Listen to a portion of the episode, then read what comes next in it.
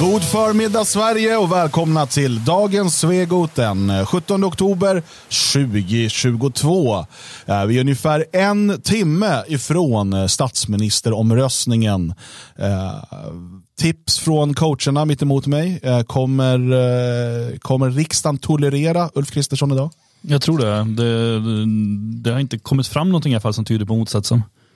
Men det vore ju spännande om någon liberal äh, ångrar sig i sista stund. Så vi får gå en runda till. Ja, det är så kul. Ja. Vad tror du Magnus? Nej, det kommer tolereras. Äh, surt. Mm. Äh, vi såg ju som sagt Johan Persson fick någon form av, äh, han mådde inte bra när han äh, i fredags berättade om allt de hade kommit fram till. Nej. Jag läste han på DN, vad heter det, han som har den här podden också, de är två stycken.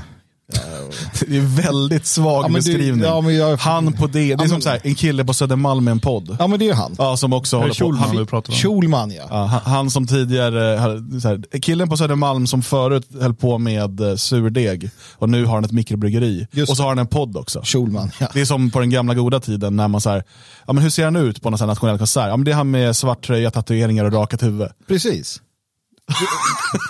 lite så, lite så. Uh, han skrev ganska kul om det där idag, just då, hur, hur eh, Persson fick någon form av stroke under, någon så verbal stroke under, under presskonferensen. Och, ja, han, krumbukterna, han Jag vet inte, för jag, jag ju... tittade lite mer på det här. Och, när, jag vet inte, alltså för alla lägger ju fokus på invandring, det är det enda som folk egentligen bryr sig om. Mm. Invandring och kriminalitet. Jo. Där har ju Liberalerna förlorat, men på alla andra punkter i programmet så är det ju typ deras program. Mm. Jo, men ingen bryr sig om det. Alla nej. bryr sig om det andra. det är så här märkligt när liksom Liberala ungdomsförbundet bara, åh nej, åh nej, det här är det mest antiliberala förslaget någonsin. Nej, det är ett ganska liberalt mm. eh, program som man presenterade. Det är bara att eh, inom de frågor som egentligen är det enda folk bryr sig om. Och den enda frågan som men är det så, är eller är det vi, är det vår bubbla? Eller? Nej, men så är det ju med alla på Twitter, ja. alla rasar. Och ja, men är det, för, är det fortfarande medlemmar är, är kvar vid vår bubbla? Att vi kanske följer sådana som nej, är intresserade av de här frågorna? Jag har ju Dagens Nyheter här från igår. Ja. Uh, ska vi se vad de... Gud vad visuellt. Ja, ja. så där, det har jag inte ens förberett ju. Den bara låg här.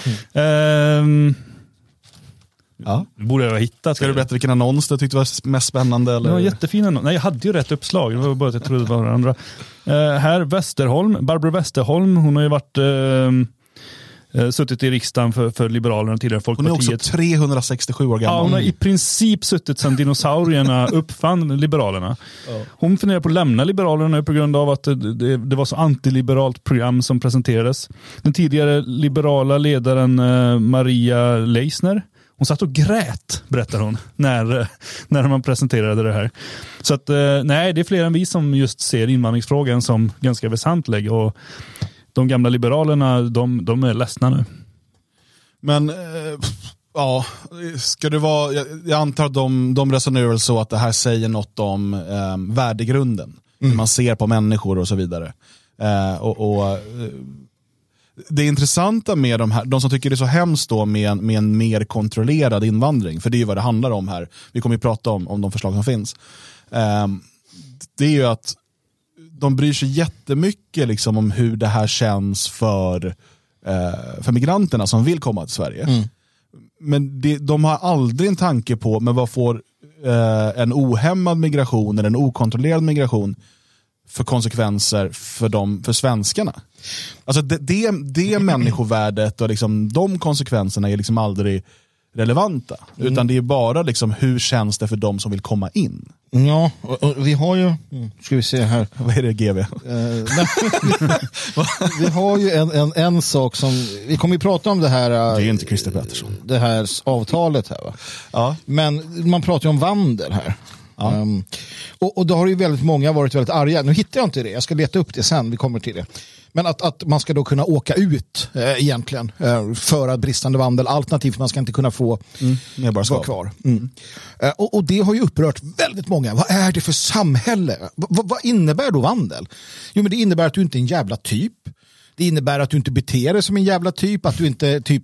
Men, alltså, men allt, alltså, alltså, det finns dessutom redan och... i lagstiftningen. Ja. Det är inte, alltså ord, själva begreppet vandel är med, själva, och när det gäller migrationen, när man för två år sedan, eller var det ett och ett halvt år sedan, presenterade en ny migration, då, då hade man med just begreppet eh, vad gällde vandel, när vi skulle göra uppehållstillstånd och så vidare. Det, det, det, ja, det, det är så Nej, och då har du ju då till exempel då eh, en sån rackare som eh, YB, eh, yttre befäl Södermalm, Viktor Adolfsson. Viktor Adolfsson, som idag då twittrar om att så här, han var tvungen att förklara för en polis vad vandel betydde.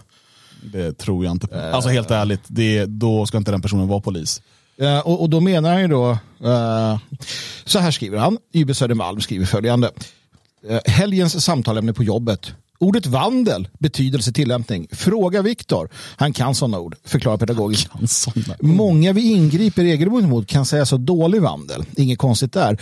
Men vi kan heller inte bygga lagtext på ord poliser ej förstår. Vad är då, är problemet lagtexten eller polisen? Ja, han tycker att det är problemet att eh, lagtexten är för krånglig för hans eh, kollegor i patrullbilen. Han, han, det ska liksom så här, kille är dum, slå dum kille. Ja, men lite grann så. Sen så skojar han lite efter att bara, men det behöver inte ta allt så allvarligt. Men Ja. det är ju ändå ganska allvarligt. Eh, om en polis då inte förstår en sån sak kanske. Och, och att han då som yttre befäl säger att vi kan inte bygga lagtexter på ord som poliser inte förstår. Jag tror det finns ganska många ord i lagtexterna som, som nya poliser inte förstår. Ja, eller som en, en, ett gammalt justitieråd som har jobbat med det i hundra år inte förstår. Mm. Läs en lagtext så, så förstår man att den är gjord för att du inte ska förstå den. Mm. Så att det- systemet ska kunna tolka lite som man vill. Så att, ehm, det, det, det är ju frågan då, så att om du då säger så här, nej jag tycker att man ska få ha dålig vandel och vara kvar. Mm. Det var det var ni var inne på ju. Vad är det för värld de lever i? Där så här, men jag tycker att en våldtäktsdömd liksom, eh, typ ska liksom, och det tycker de ju. Det säger något om hur knäppa de är tycker jag. Så är det Uh, i alla fall. Så att nej, han blir statsminister och uh, Fenix reser sig därmed ur askan och en ny gryning för vårt folk inträder. Jag såg något uttalande där om det där med vandel också, men jag minns inte vem det var, men som var väldigt upprörd här över att eh, det skulle kunna leda till att till exempel prostituerade blir utvisade. Ja, det vore Helvete. synd. Paolo Roberto bara, nej! Ja, vilken ramaskri bland runkgubbarna. Ja, nej, för det skulle ju leda då till att eh, om någon prostituerad blir utsatt för något brott, då kommer de inte våga gå till polisen för att då kommer de bli utvisade. Eh, det var resonemanget, men jag menar, ja, det är ju väldigt besynnerligt. Ja, men saken är man här och Okej, det är visserligen inte olagligt i Sverige att sälja sex, det är bara olagligt att köpa sex. Ja, fast någonstans borde det väl vara olagligt att hålla på med en massa svarta transaktioner, tänker jag. Ja, kanske. Fast å andra sidan, vi har ju samma resonemang inom, inom eh, droglagstiftningen. Nej. Det är klart att man ska kunna söka hjälp. Ja. Söka, och det kan man kanske inte på det sättet då. Det, det handlar ju alltid om individbedömningar. Eh, och, men det är ju frågan, okej här är en person som har tagit sig till Sverige för att om inte annat underlätta kriminell verksamhet. Det är väldigt svårt att köpa sex om ingen säljer nämligen.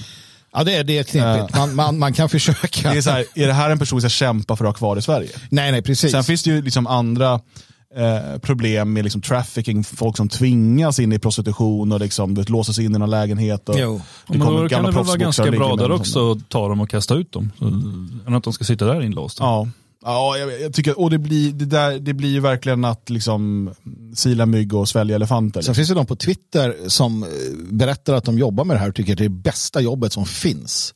Prostitution? Ja. Ah, ja, okej.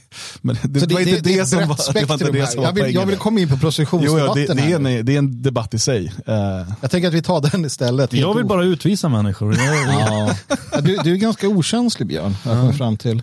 Ja, men alltså, så här, det finns ju jättemånga tragiska människoöden eh, och, och liksom, eh, men det är ju inget, inte så att Sverige kan lösa alla de tragiska människoödena. Jag är ju lite grann för Och- och- också att utvisa svenska medborgare. Alltså, ja, Ja, så- sådär, egentligen. hur då? Nej men det skulle vara rätt skönt att kunna för, landsförvisa. hitta något land som inte bryr sig. De bara, men vi kan ta emot era kriminella. Ja, så här politiska motståndare i en framtid. Kan man då kanske internera Det- det det var här- lättare förr när man kunde hitta en ny ö någonstans. Ja, bara, där precis. sätter vi dem. Australien, men det är upptaget nu. Ja, men hitta någon ny. Så här, Gotska Sandön. Ligger lite för nära Eller bara. Gotland bara. Alla fåren där blir ju livrädda när man skickar bara så här tide, tidelagsbrottslingar till det. Ja. Jag vet inte, det, det, det, en sån lagstiftning skulle ju kräva ett helt omtag kring medborgarskapstanken också. Va? Mm, absolut. Eh, och då pratar vi, Ja, vi nog vi ska ju idag på- prata om realpolitik och sånt som, ja, Eh, så att vi, vi, kanske, kanske får hålla de här stora liksom, eh, sakerna separat. Ja. Det, det är väl en diskussion i sig, mer en så här filosofisk diskussion om medborgarskapet och, och plikter som det medför och, och sådär. Precis, uh, så är det ju. Så att vi, vi får ta det vid annat tillfälle och fokusera på kött och potatis. Vad snäll den här LJEA Persson är i chatten. Jaså? Tack för att ni finns, skriver, skriver Ja, den, tack. han, han eller hon. Tack, Tack, själv. tack. Det, var, det var snällt.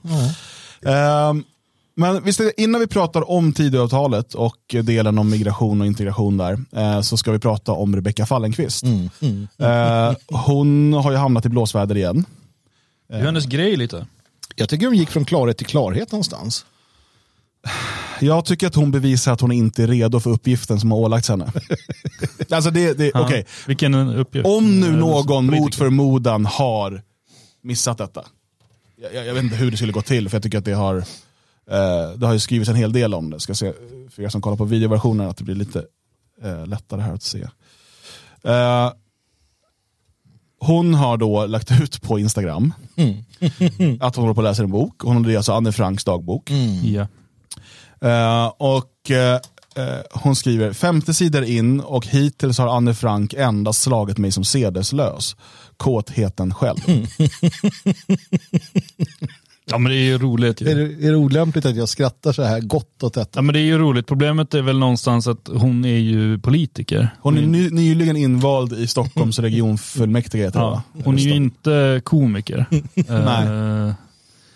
Eh, och det verkar ju, för att hon har ju intagit lite grann den komikerrollen när hon har varit programledare för Riks. Det och det är också- väl där hon måste inse någonstans att hon måste ju välja vad hon är. Ja, men du kan ju inte vara komiker på det sättet på, i Riks. Du kan ju inte prata om judar på det här sättet. Nej, nej. Någonstans Men det är i inte den- bara... den det är sfären, ja, men det är, liksom. Precis, jo, men, jo men saken är så här. Det är inte bara, men det, det är ju så... Att Det hon hela, lägger, det hela är ju också, utöver det här, för hon försöker ju förklara sen vad hon menar om att, eh, ja, det- vi kommer till det.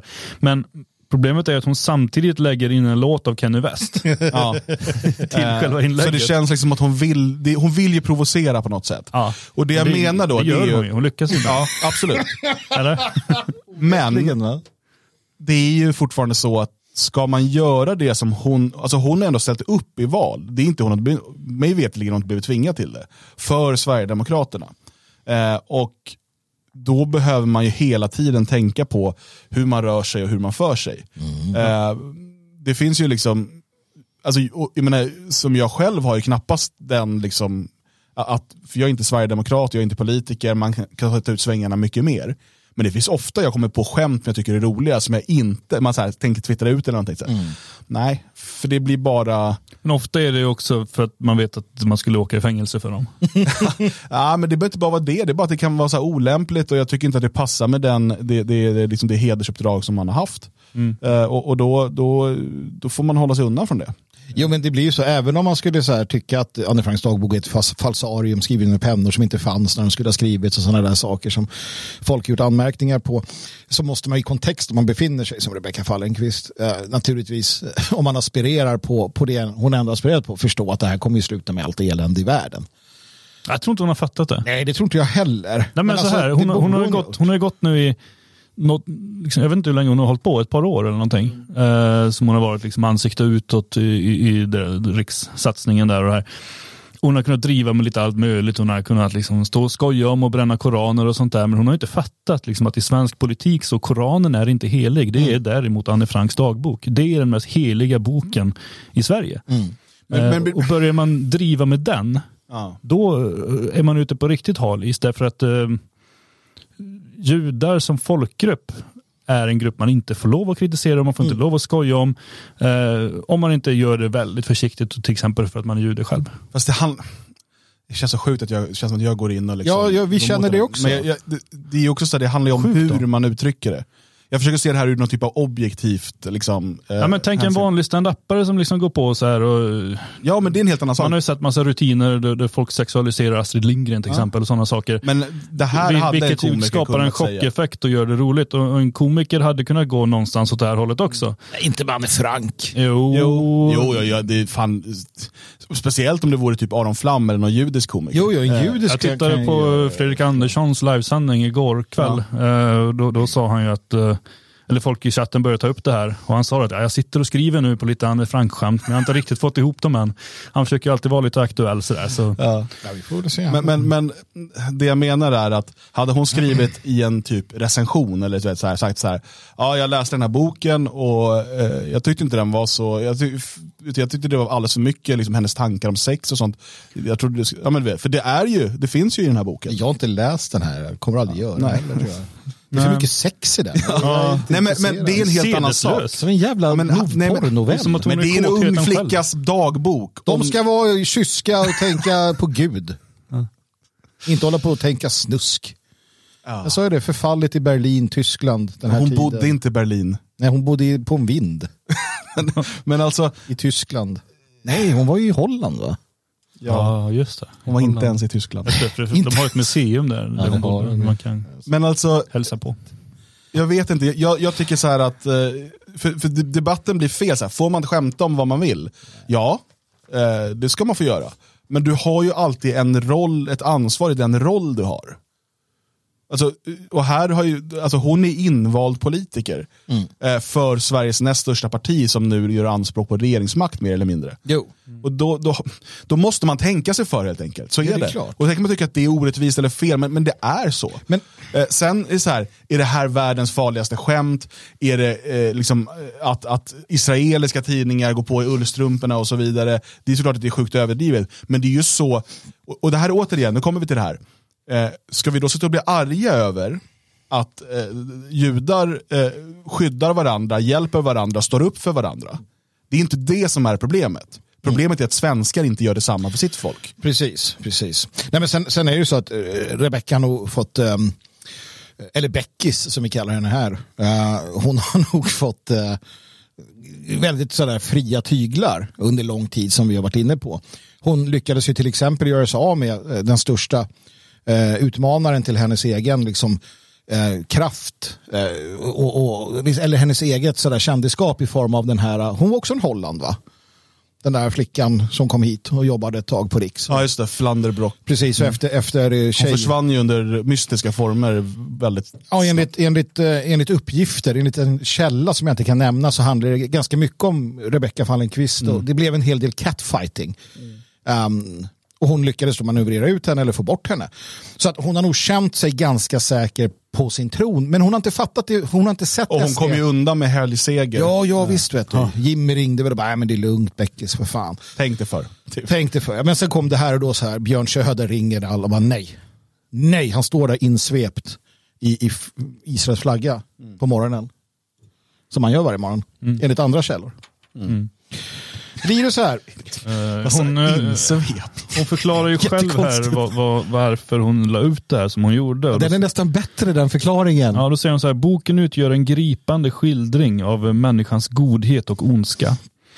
Den goda Ann, eh, som i de eh, första kapitlen är som vilken ung tjej som helst. Hon lever sitt liv i ro och finner ett intresse i killar, vilket jag belyste. Eh, ställs i kontrast till nazismens ondska. Min eh, story syftade till eh, det goda och mänskliga hos Ann. Inte att eh, förminska ondskan som hon utsattes för.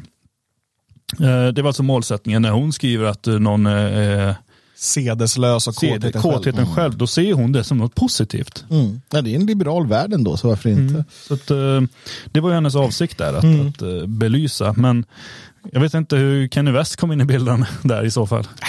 Är hon rökt nu då? Ja, hon kan vara det.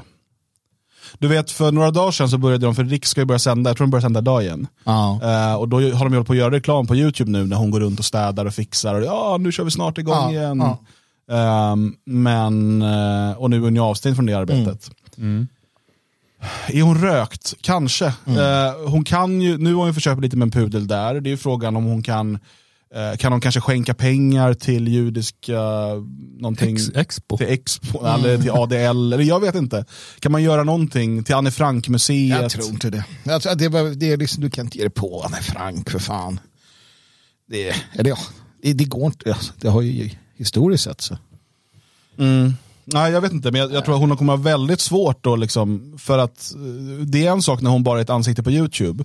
Då kan det vara jobbigt för SD. Mm. Men nu är hon invald politiker. Alltså partiet har ju gett henne ett förtroende i, i, liksom, i parlamentet. Jo, och och just den här frågan har ju varit känslig. Visst, Björn Söder kan komma undan med att säga att judar inte är svenskar och, och bete sig. Men det är för att han, ja, för det är inte samma sak han säger då. Nej, det är klart. Det här, alltså, ja, jag vet, jag, jag, vet, men jag vet, kolla våra lyssnare, våra lyssnare, här, ja, men. Jag våra lyssnare och liksom vi, vi kan ha en massa liksom, eh, avstånd till de här sakerna, men man måste ju ändå fatta att majoriteten av alla människor, eh, så är liksom, alltså den moderna historieskrivningen börjar med andra världskrig och förintelsen. Det är liksom, eh, vad ska man säga, det, det, är liksom utgångspunkten, det var där eh, någonstans ondskan kulminerade och i slutändan kunde godheten segra.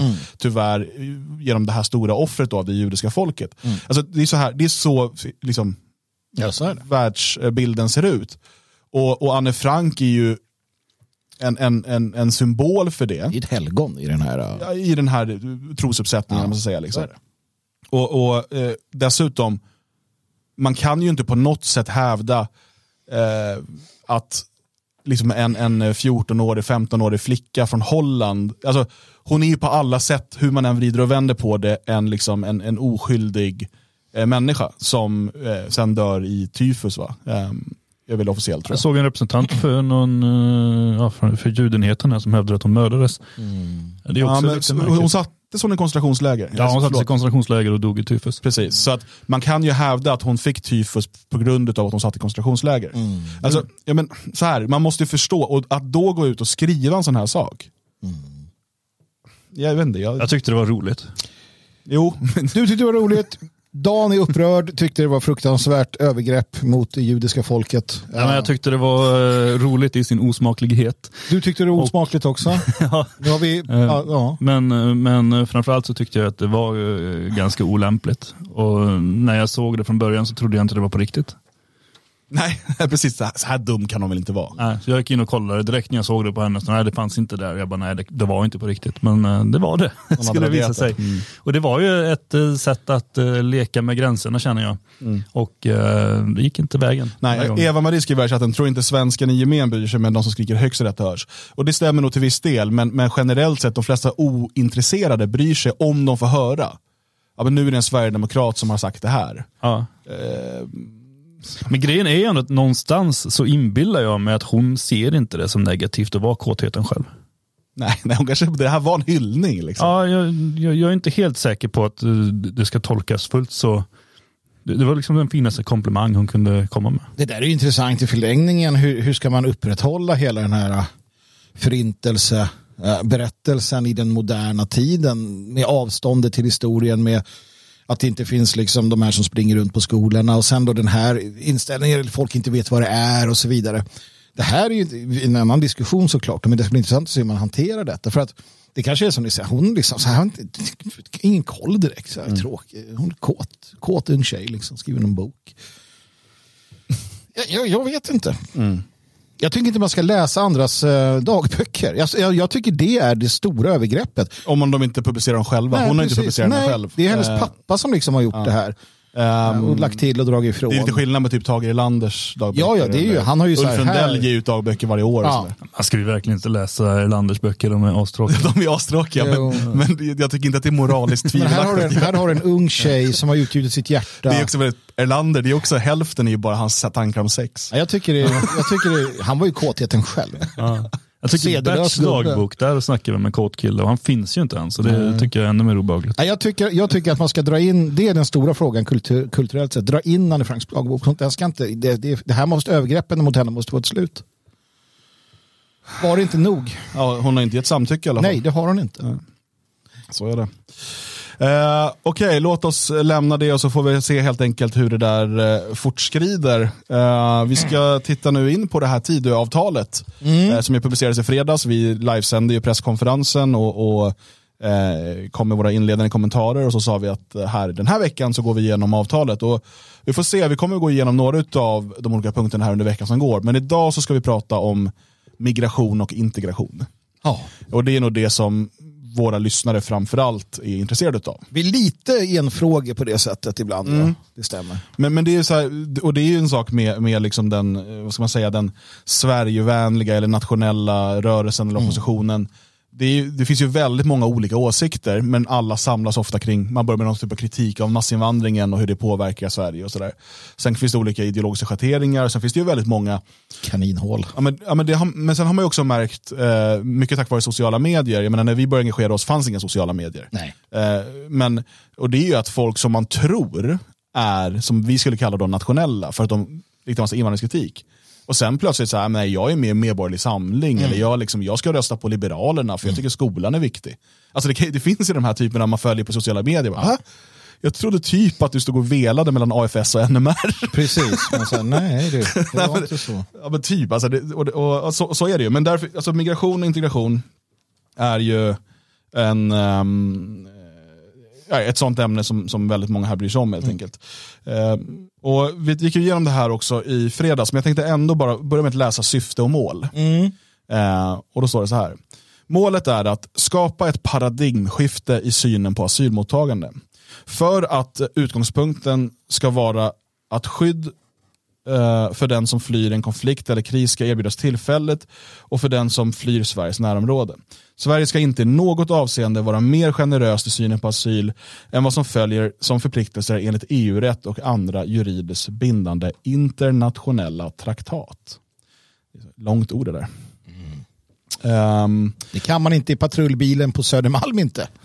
Nej. Eh, att migrationspolitiken i övrigt ska vara ansvarsfull. Eh, att införa en kravbaserad integrationspolitik där den som långvarigt befinner sig i Sverige ska ta ansvar för att bli en del av det svenska. Att komma rätt med skuggsamhället. Det här är då målen med de här eh, då förslagen som ligger här. Ehm, så vad är, det, vad är det man trycker på? Ska vi gå, från, ska vi gå punkt för punkt här eller? Det tycker jag, men jag vill också bygga en ram. Ja. Jag vill lägga en... jag försökte vara tydlig som Ulf Kristersson, ett ögonblick. Så vi ska bygga en ram, lägga en grund. Ja. Och jag vill konstatera att när vi går vidare och pratar om det här, läser om det här, då måste vi förstå att hela det här avtalet förutsätter fyra år plus fyra år plus fyra år. Alltså ehm, eh, utan en Alltså utan att det uppfylls, förlängningen då eh, en mandatperiod till, kanske en till. Utan det så kommer det falla. Helt och hållet, i princip. Jag vill bara att med den liksom grunden sagd eh, och förstådd. Så att ingen här eller ingen av er som lyssnar och tittar tror att det liksom kan bli någon eh, övergripande förändring. Så, och med det i åtanke så känns det som att SD har tänkt till att okej, får vi bara möjligheten så kommer det här på ett väldigt stort sätt förändra hela det svenska, liksom, ja det är ett paradigmskifte om, om det kan drivas igenom. Och man jobbar inom de ramar som de måste jobba inom. Med det sagt så tycker jag att vi kan gå vidare. Om ingen vill säga något. Mm.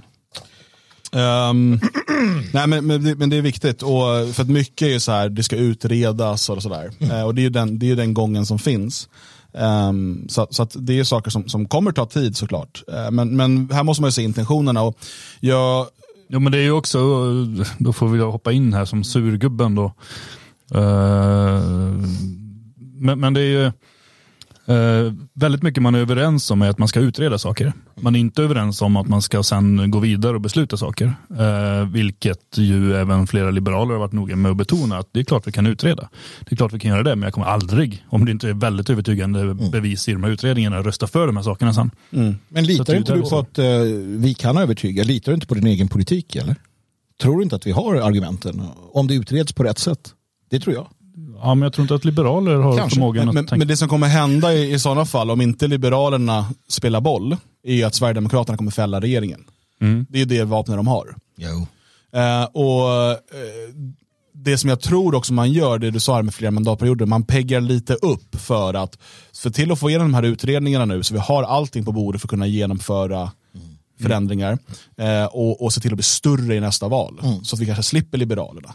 Alltså, där Ja. någonstans tror jag. Det är ju Kan- drömmen för varje sund människa. Ja. Ja, men det, det, är ju, det kanske är, är liksom, jag kan säga att Jimmy ser framför sig, ah, till nästa val, då kanske vi har gått upp på 25 procent. Eh, jag kan bli statsminister. Eh, med, och, Du? jobb- och samarbeta med Moderaterna och Kristdemokraterna i en regering. Vi kommer få, få majoritet själva där eh, tillsammans. Eh, och, och så slipper vi Liberalerna. Eh, Det är väl något som förmodligen som, som man då drömmer om. Hur länge har Viktor Orban eh, arbetat eh, sakteliga Jo, nej, men det tar tid. liksom? Men, men okej, låt oss Ja. titta då. Eh, det första är ju då reformer som ska genomföras i eh, projektet.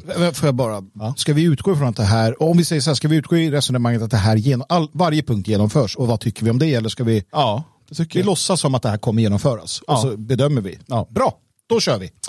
Inre gränskontroller till Sverige ska stärkas. Eh, och där står det då, Polismyndigheten eh, ska uppdras att genomföra inre gränskontroller i högre grad där sådana gränskontroller bedöms ha effekt på irreguljär migration och gränsöverskridande brottslighet. Möjligheten att i samverkan med andra länder utlokalisera svensk gränspolis till EU-flygplatser för kvalitativa pass och identitetskontroller från destinationer från vilka många tas till Sverige illegalt ska övervägas. Eh, och sen är det också då eh, effektivare åtgärder för bland annat utföra bevakning och inre utlänningskontroller i gränsområden. Eh, och, och, vad, vad handlar det här om? Inre gränskontroller? Alltså det är helt enkelt att stanna människor och be dem visa papper. Mm. Um, det, det är vad man ska kunna. Man ska kunna visa att man är den man är, annars så tas man med till förvar, utreds och skickas ut. Det är, liksom den, den, det, det är så man, det ska gå till i princip om man inte har eh, laga självstannad. Det är för att komma åt då alla som vistas här illegalt, som går till jobbet varje dag, illegalt, som jobbar svart. Etc, etc. Det här REVA-projektet vi hade för ett antal år sedan var ju en sån sak. Det var effektivt också visade det sig. Eh, Det blir svårare att leva i skuggsamhället om du när som helst kan bli stannad av en hord poliser som kräver att du ska bevisa att du får göra det du säger att du ska göra. Och det här är ju sånt som har mött stark kritik därför att många med lite mörkare hud än vad du har Magnus har varit tvungna att visa legitimation då och då. Precis, för att man gör ju då en klassning och tänker att det är större chans att en kille som ser ut som Svarte Petter än Dan Eriksson är här illegalt. Hur kan man tro det? Jag vet inte, för att det finns ju ingen skillnad. Då. Eh, Det här hänger ju då på att, att polisen eh, genomför det. Det hänger på att de, de chefer inom polisen ser till att eh, agera ut efter det. Men det är ett effektivt sätt. Framförallt är det ett sätt att, att ta bort den så kallade pullfaktorn. Om du, alltså om du ska välja ett land att dra till. Du sitter i Mogadishu på kaféet där. Tänker, vart ska jag? Det är så här det brukar gå till. Ja, du har broschyrerna. Och så bara, där blir du stoppad på tunnelbanan, där blir du inte det. Ja. Ja, Så först bara Google Translate, tunnelbana. Finns det en tunnelbana i alla europeiska länder? ja. ja, det gör det nog. Alla har värde i alla fall. Alla städer med självrespekt har ju tunnelbana. ja. Nej. hade ju det redan under kriget. Eh, men ehm, Drosk. det, det är mest en känga mot göteborgare att hålla på Jag förstod detta. De har ju också tunnelbana fast den går över jord. Göteborg. Vilket också stora delar av gröna linjen i Stockholm gör. Vilket är Man ska ju konstigt. helst inte omnämna Göteborg vid namn. Det är lite som Beetlejuice. Säg det tre gånger. Eh, men är det, är det bra då med ökade inre gränskontroller? Självfallet. Är det till och med nödvändigt? Ja. Ja, som det är nu så är det ju nödvändigt såklart. Det där är ju grejer som man inte borde behöva lägga resurser på, men, men nu ser det ut som det gör och absolut. Ja, och ska man kunna hitta illegala invandrare, ska man kunna eh, Man kan ju inte bara vara att ja, de ska vänta på tips. Nej. Det, det är så här, funkar ju inte. Hur lång tid tog det innan de hittade Anne Frank liksom? Mm. Ja men precis, Men det tog det- jätte... hon hann ju skriva en massa. Ja, Man Eh, kan ta reda på hur många dagar exakt. Ja just det, det är bara att följa. Dagboken. eh, Dan skruvar sig, han tycker inte om den här, den här typen av skämt. Han har, jag vet inte. PK-dagen. jag tycker synd om Anne Frank. Hon är inte här för kan försvara sig. Nej. Hon skrev en bok. Vad, har hon gjort er? Pek, visa på dockan var Anne Frank tog på dig. Jag förstår Ja, inte. Ja, ingen av oss har ju läst den. Så att, Nej, jag vet inte, jag är bara respektlös mot hela den här. Jo, jag fattar ju liksom mytologiseringen och Ja. allt det här. Men, men Det är som att skoja med Gud liksom. Eller, nej. eh, du jämför henne med Gud. Ja, det var dumt. Jag, jag, jag förstod hur dumt det lät, alla, alla ni där ute som litar på mig. Det var dumt. Jag ber om förlåtelse Gud. Sen har man också då föreslå författningsändringar som innebär att regeringen ska ha möjlighet att återinföra identitetskontroller vid transporter som utförs med buss, tåg eh, eller passagerarfartyg till Sverige från en annan stat. Det här är ju eh, eh, långfingret till Schengen. Ja, ja, visst. Det är det. Eh, man kan ju tycka att sånt här borde vara självskrivet. Att folk Ja, men det är "Va? inte det med Schengen och EU. Precis, Eh, vi får alltså inte titta på. men, och sen så har man gjort eh, undantag under coronan och sådär ju. Just Eh, det, och, då gick det bra. man, och det är i, vissa delar, i vissa delar är det fortfarande kvar. Just det. Och då har, de är ju jättearga, vänstern är ju väldigt arga och säger att Sverige har varit en fasciststat nu i 700 dagar eller vad det nu är. Liksom, Där man måste visa lägg för att komma in i landet. De hade ingen aning om vad fascism var då. Problemet är ju att, att äh, det här går i linje med det vi har sagt så många gånger. Att ska du ha öppna gränser utåt så får du ha stängda gränser inåt. Det säga att det krävs mer övervakning, mer liksom inrikespass i princip. För att ska du ha öppna gränser då blir det så. För att kontrollera. Och det, det är ju det vi ser här nu. Allt det här är ju allt det här som SD kommer med i det här avtalet det är ju konsekvenser av en förd politik under på tok för lång tid. Va? Och, och ja, Alltså, du kommer fråga här vad innebär inre gränskontroller? Man kan, det finns lite olika, men, men bland annat så innebär det då att man vid Sveriges gräns, alltså när man har kommit in i Sverige, att man då får kontrollera. Idag är det inte så eh, på grund av, ja, nu har det varit lite undantag med coronan och så, men, men annars så är det, eh, i Schengen så är det ju passfrihet. just det. Eh, och det betyder att har du tagit dig in i Schengenområdet så kan du röra dig fritt. Ehm, och då är det liksom en, en inre gränskontroll. Sen finns det ju också inre gränskontroll i form av att man kan kontrollera folk på tunnelbanan. Reva där till exempel. Ja. Eh, så det är, det är kontro- kontroll utav Um, identi- identitet inom Sveriges gränser. Mm, precis. För att det är ju så eh, att i Sverige så faktiskt behöver du inte identifiera dig till polis om inte polis misstänker brott, att, brott som, överste, alltså som har typ fängelse i straffskalan eller någonting. Däremot eh, kan det vara onödigt att hålla på och tjafsa med polisen om att du inte ska visa lägg. Oh ja. Det är har lite vi- som, jag, jag har vi en, en bekant som eh, vägrade visa sin eh, bussbiljett, eller tågbiljett för kontrollanten. Mm. Han hade en. Varför då? Nej, i princip tycker inte han ska behöva visa det. Så Nej. det slutade ju med att han blev, liksom, typ, eh, då kallades vakter dit som, som grep honom och sådär. Sen så visade han sin biljett, då fick han ju gå. Ja. Men så här, kan du bara visa att den åkt vidare? ja, eller så står man upp för de frihetliga principerna, Dan Eriksson. Jo, jo, ja, det är fint. Man kan knäböja också. Jag vet inte vad. Sen har vi ökad användning av biometriska data i utlänningsärenden, avskaffande av preskription med mera. Alltså allt sånt här när de säger så här mer eh, biometrisk och upphäv det och författningsändringar, allt sånt gör att jag får liksom en obehagskänsla. Eh, och det är för att jag förstår att en, en, en lössläppthet, om det inträder i dessa, eh, i dessa ändå liksom heliga rum, eh, kan i förlängningen leda till att staten då tar, tar sig ännu friheter. Jag gillar det inte, men ändå så förstår jag ju. Att, att, att, det är, att, att det är nödvändigt. Och vägen till helvetet stenläggs med goda intentioner. Så är det bara. Ehm, Men absolut, vad ska man göra då? Nej, men det är ju så. Och Tekniken där kommer vi komma in på när vi pratar om eh, kriminaliteten och alla idéer de har där eh, Mm. nä, nästa gång. För det, det är ju Ja, det är mycket som är skrämmande där egentligen. Men, Men- också nödvändigt kanske. Det, är så här, för det står så här, utreda och föreslå författningsändringar om att biometriska register om utlänningar ska kunna användas i större utsträckning av myndigheter. Mm. För att höja kvaliteten i utlänningsärenden vid inre utlänningskontroller och vid genomförande av folkräkning. Just Eh, och jag förstår ju det här, och, men klart man blir orolig när liksom, det blir mer övervakning, mer liksom, biometrisk data och så vidare. Eh, och, och man skulle absolut kunna hävda att ja, de börjar med utlänningarna. Precis, men alla har ju Och lämnat då, den här... då sa jag ingenting. sen, sen tog de Hammarbyarna och jag sa inget för jag var inte Hammarbyare. Jag, jag applåderar Sen för jag var gnagare. mig. Nej, men jag har ju lämnat biometrisk data senast här för någon vecka, två sedan när jag skaffade nytt uh, legitimation. Legitimationen, det var det för något. Legitimationen. Va? Legitimationen. Ni har ju också lämnat det. De har ju alla svenska medborgares biometriska data i och med pass och liknande. Så att Jag har där, dessutom lämnat DNA. har man slutat stå så här sidifrån och visa örat och grejer nu när man tar korten? Jag var bara framifrån, det var inga konstigheter. Ehm, Jag vet inte. Ja. Eh, utreda och vid behov föreslå författningsändringar om att biometriska uppgifter om utlänningar, främst fingeravtryck och bild, där det är lämpligt ska kunna kontrolleras vid kontakt med myndigheter genom automatiserade läsare antingen mot innehavarens identitetshandlingar eller mot en central databas. Alltså, allt det här är egentligen rimligt, Problem, för vi har ju idag, eh, ett, eh, det finns eh, i vilken omfattning vet jag inte, men det finns ju ett dokumenterat till exempel bidragsfusk med, med flera identiteter. Mm. Eh, och, och, vi vet folk som gör allt från körskoleprov till liksom, läkarlegitimation. Mm. Du vet, eh. Jo men och det här är ju också viktigt, eh, alltså, just för att man pratar ju om det här viktiga med demokratin, det grundläggande, en man, en röst. Och så mm. kommer det springa runt människor med flera identiteter i Sverige mm. och kan rösta flera gånger. Mm.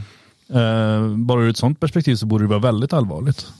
Mm. Ja, men det, det allvarliga är ju, ligger ju det att alla vi svenskar måste, visa, alltså vi måste sätta fingeravtryck och vi, allt det här för att få ett lägg. Mm. Så springer runt hundratusentals människor helt utan någonting och bara ej, alla. Mm, mm. Liksom, det är ju kränkande mot den svenska befolkningen.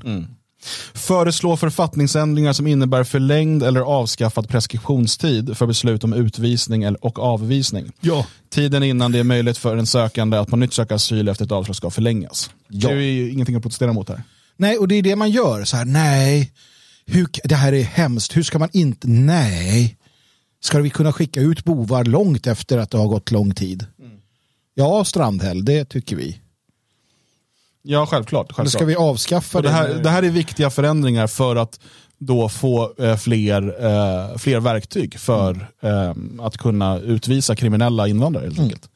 Eh, eller de som inte har rätt att, att eh, vistas i Sverige. Yes. Eh, det är egentligen bara bra saker där. Sen kan man tycka att vissa saker man skulle kunna gå ännu hårdare. Man skulle, du vet. Men, men det här är ju när det gäller de här sakerna, mm. alltså inre gränskontroller och hur identiteten hos eh, människor, utlänningar och asylsökande och så vidare kontrolleras. Ja. så är det här bara bra för Sverige. Alltså, vi måste återkomma till, var, efter varje sån här så får vi återkomma till att det här, man, man går ju så långt man kan inom ramen för de EU-regler och de lagar och de eh, överenskommelser som finns. Mm. Um, och, och, man kan ju inte gå längre. Mm. Då blir det jättekonstigt. Ja, där. precis. Och sen, dödsstraff för eh, folk. Så här, va? Det kan du inte liksom. Det kommer sen, det vet ja, ju alla. Jo, precis. Det börjar ju så här.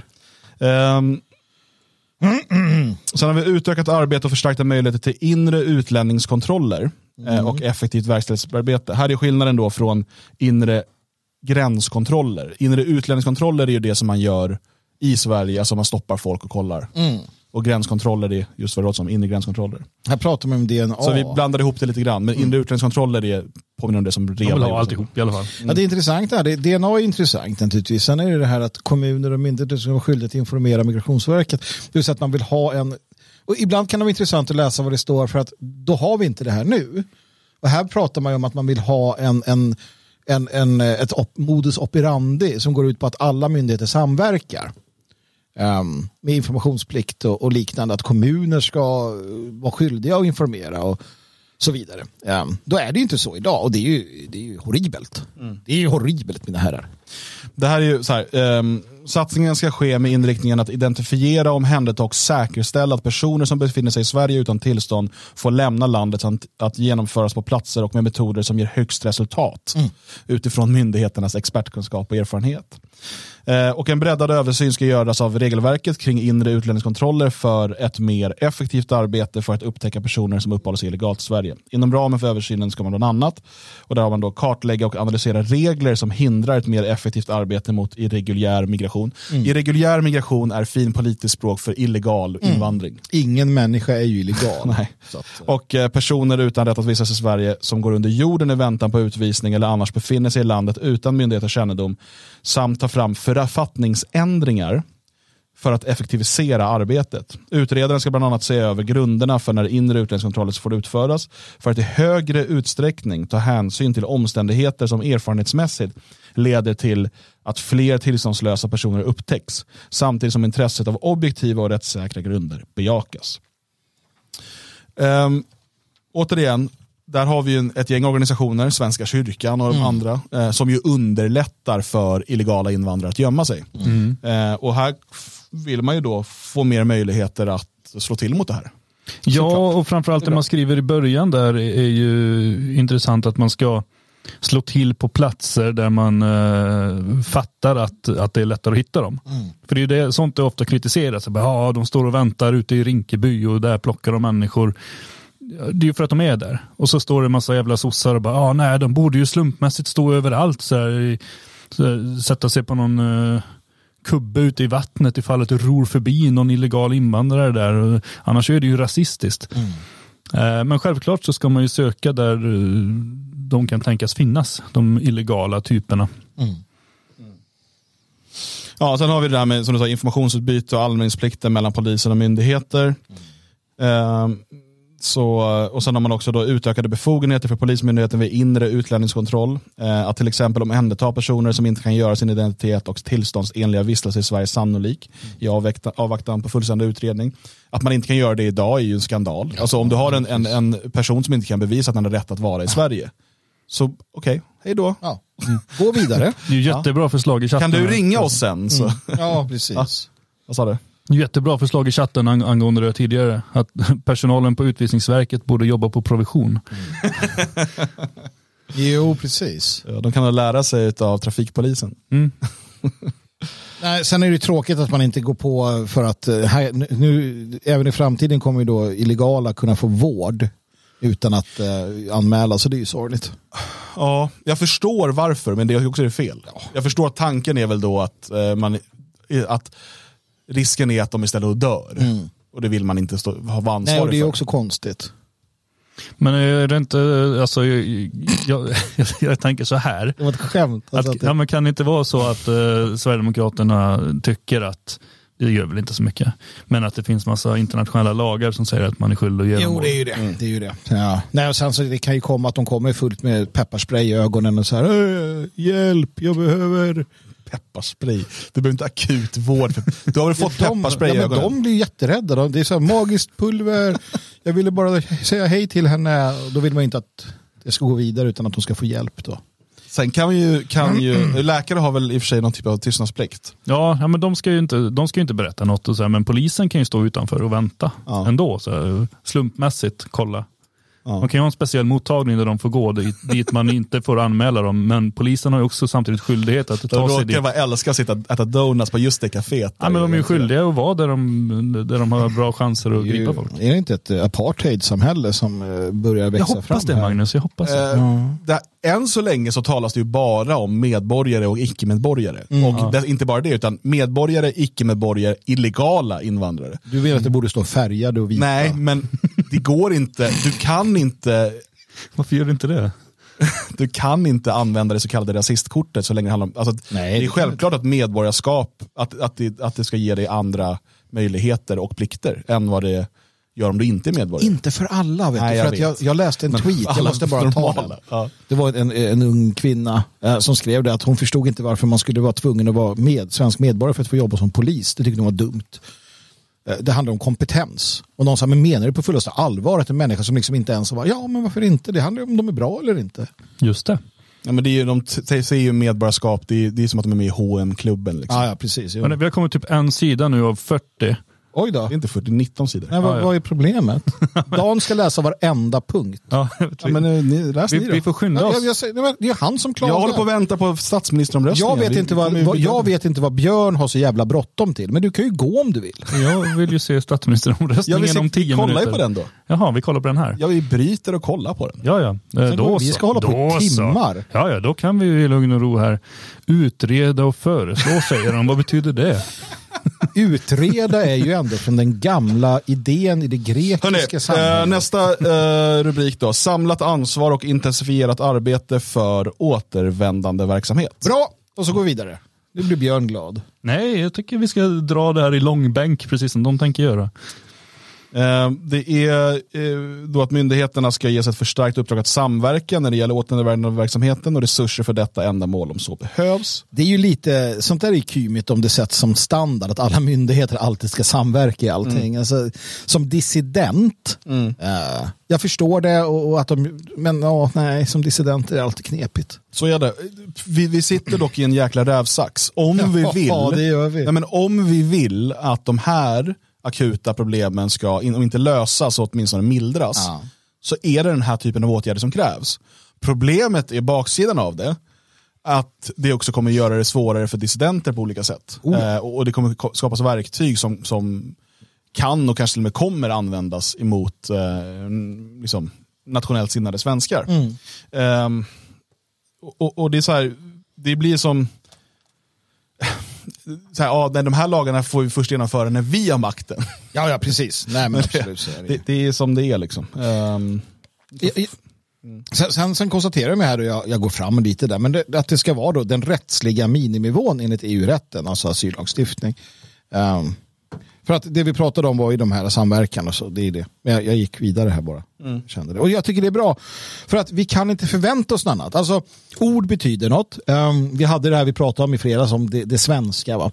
Jag skrev om det också. Där. Men den rättsliga miniminivån enligt EU-rätten, det är den där Sverige kan. Vi kan inte göra mer utifrån den ramen ehm, som, som ställs upp så att säga. Sen kan man arbeta politiskt eh, opinionsbildande på, på att liksom lämna EU eller reformera EU, men du kan inte. Nej, men för det blir ju också steg för steg som man kan påverka det här. Ju. Ja. Om, om sen andra länder i Europa ser att oj, ja, men de har gått så här långt, då måste vi också göra det, för vi vill inte vara sämst i klassen och hålla på att byta ut vårt folk.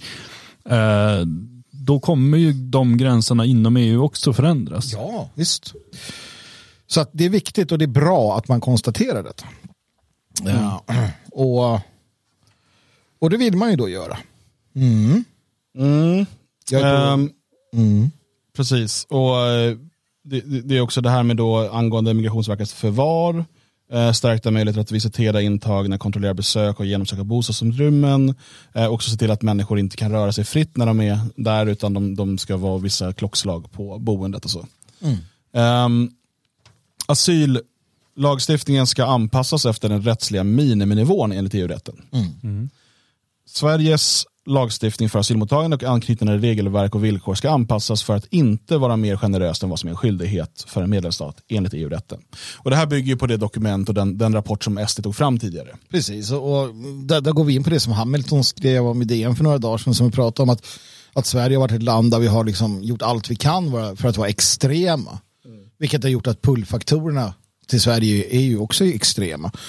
Att återställa ett normalförfarande som, som är likadant i övriga EU, det gör ju att vi då blir den yttersta Norden. Sen är det många länder i EU som är mer generösa än vad som krävs av EU-rätten. Precis. Eh, framförallt i Västeuropa. Då. Och kan vi då gå tillbaka till att inte Det vi kan göra är att vi kan ha en politik likt Ungerns. Ja, Eh, det är ju det som man säger här. Ja. Mm. Alltså när det gäller invandring. De följer också EUs minimiregler.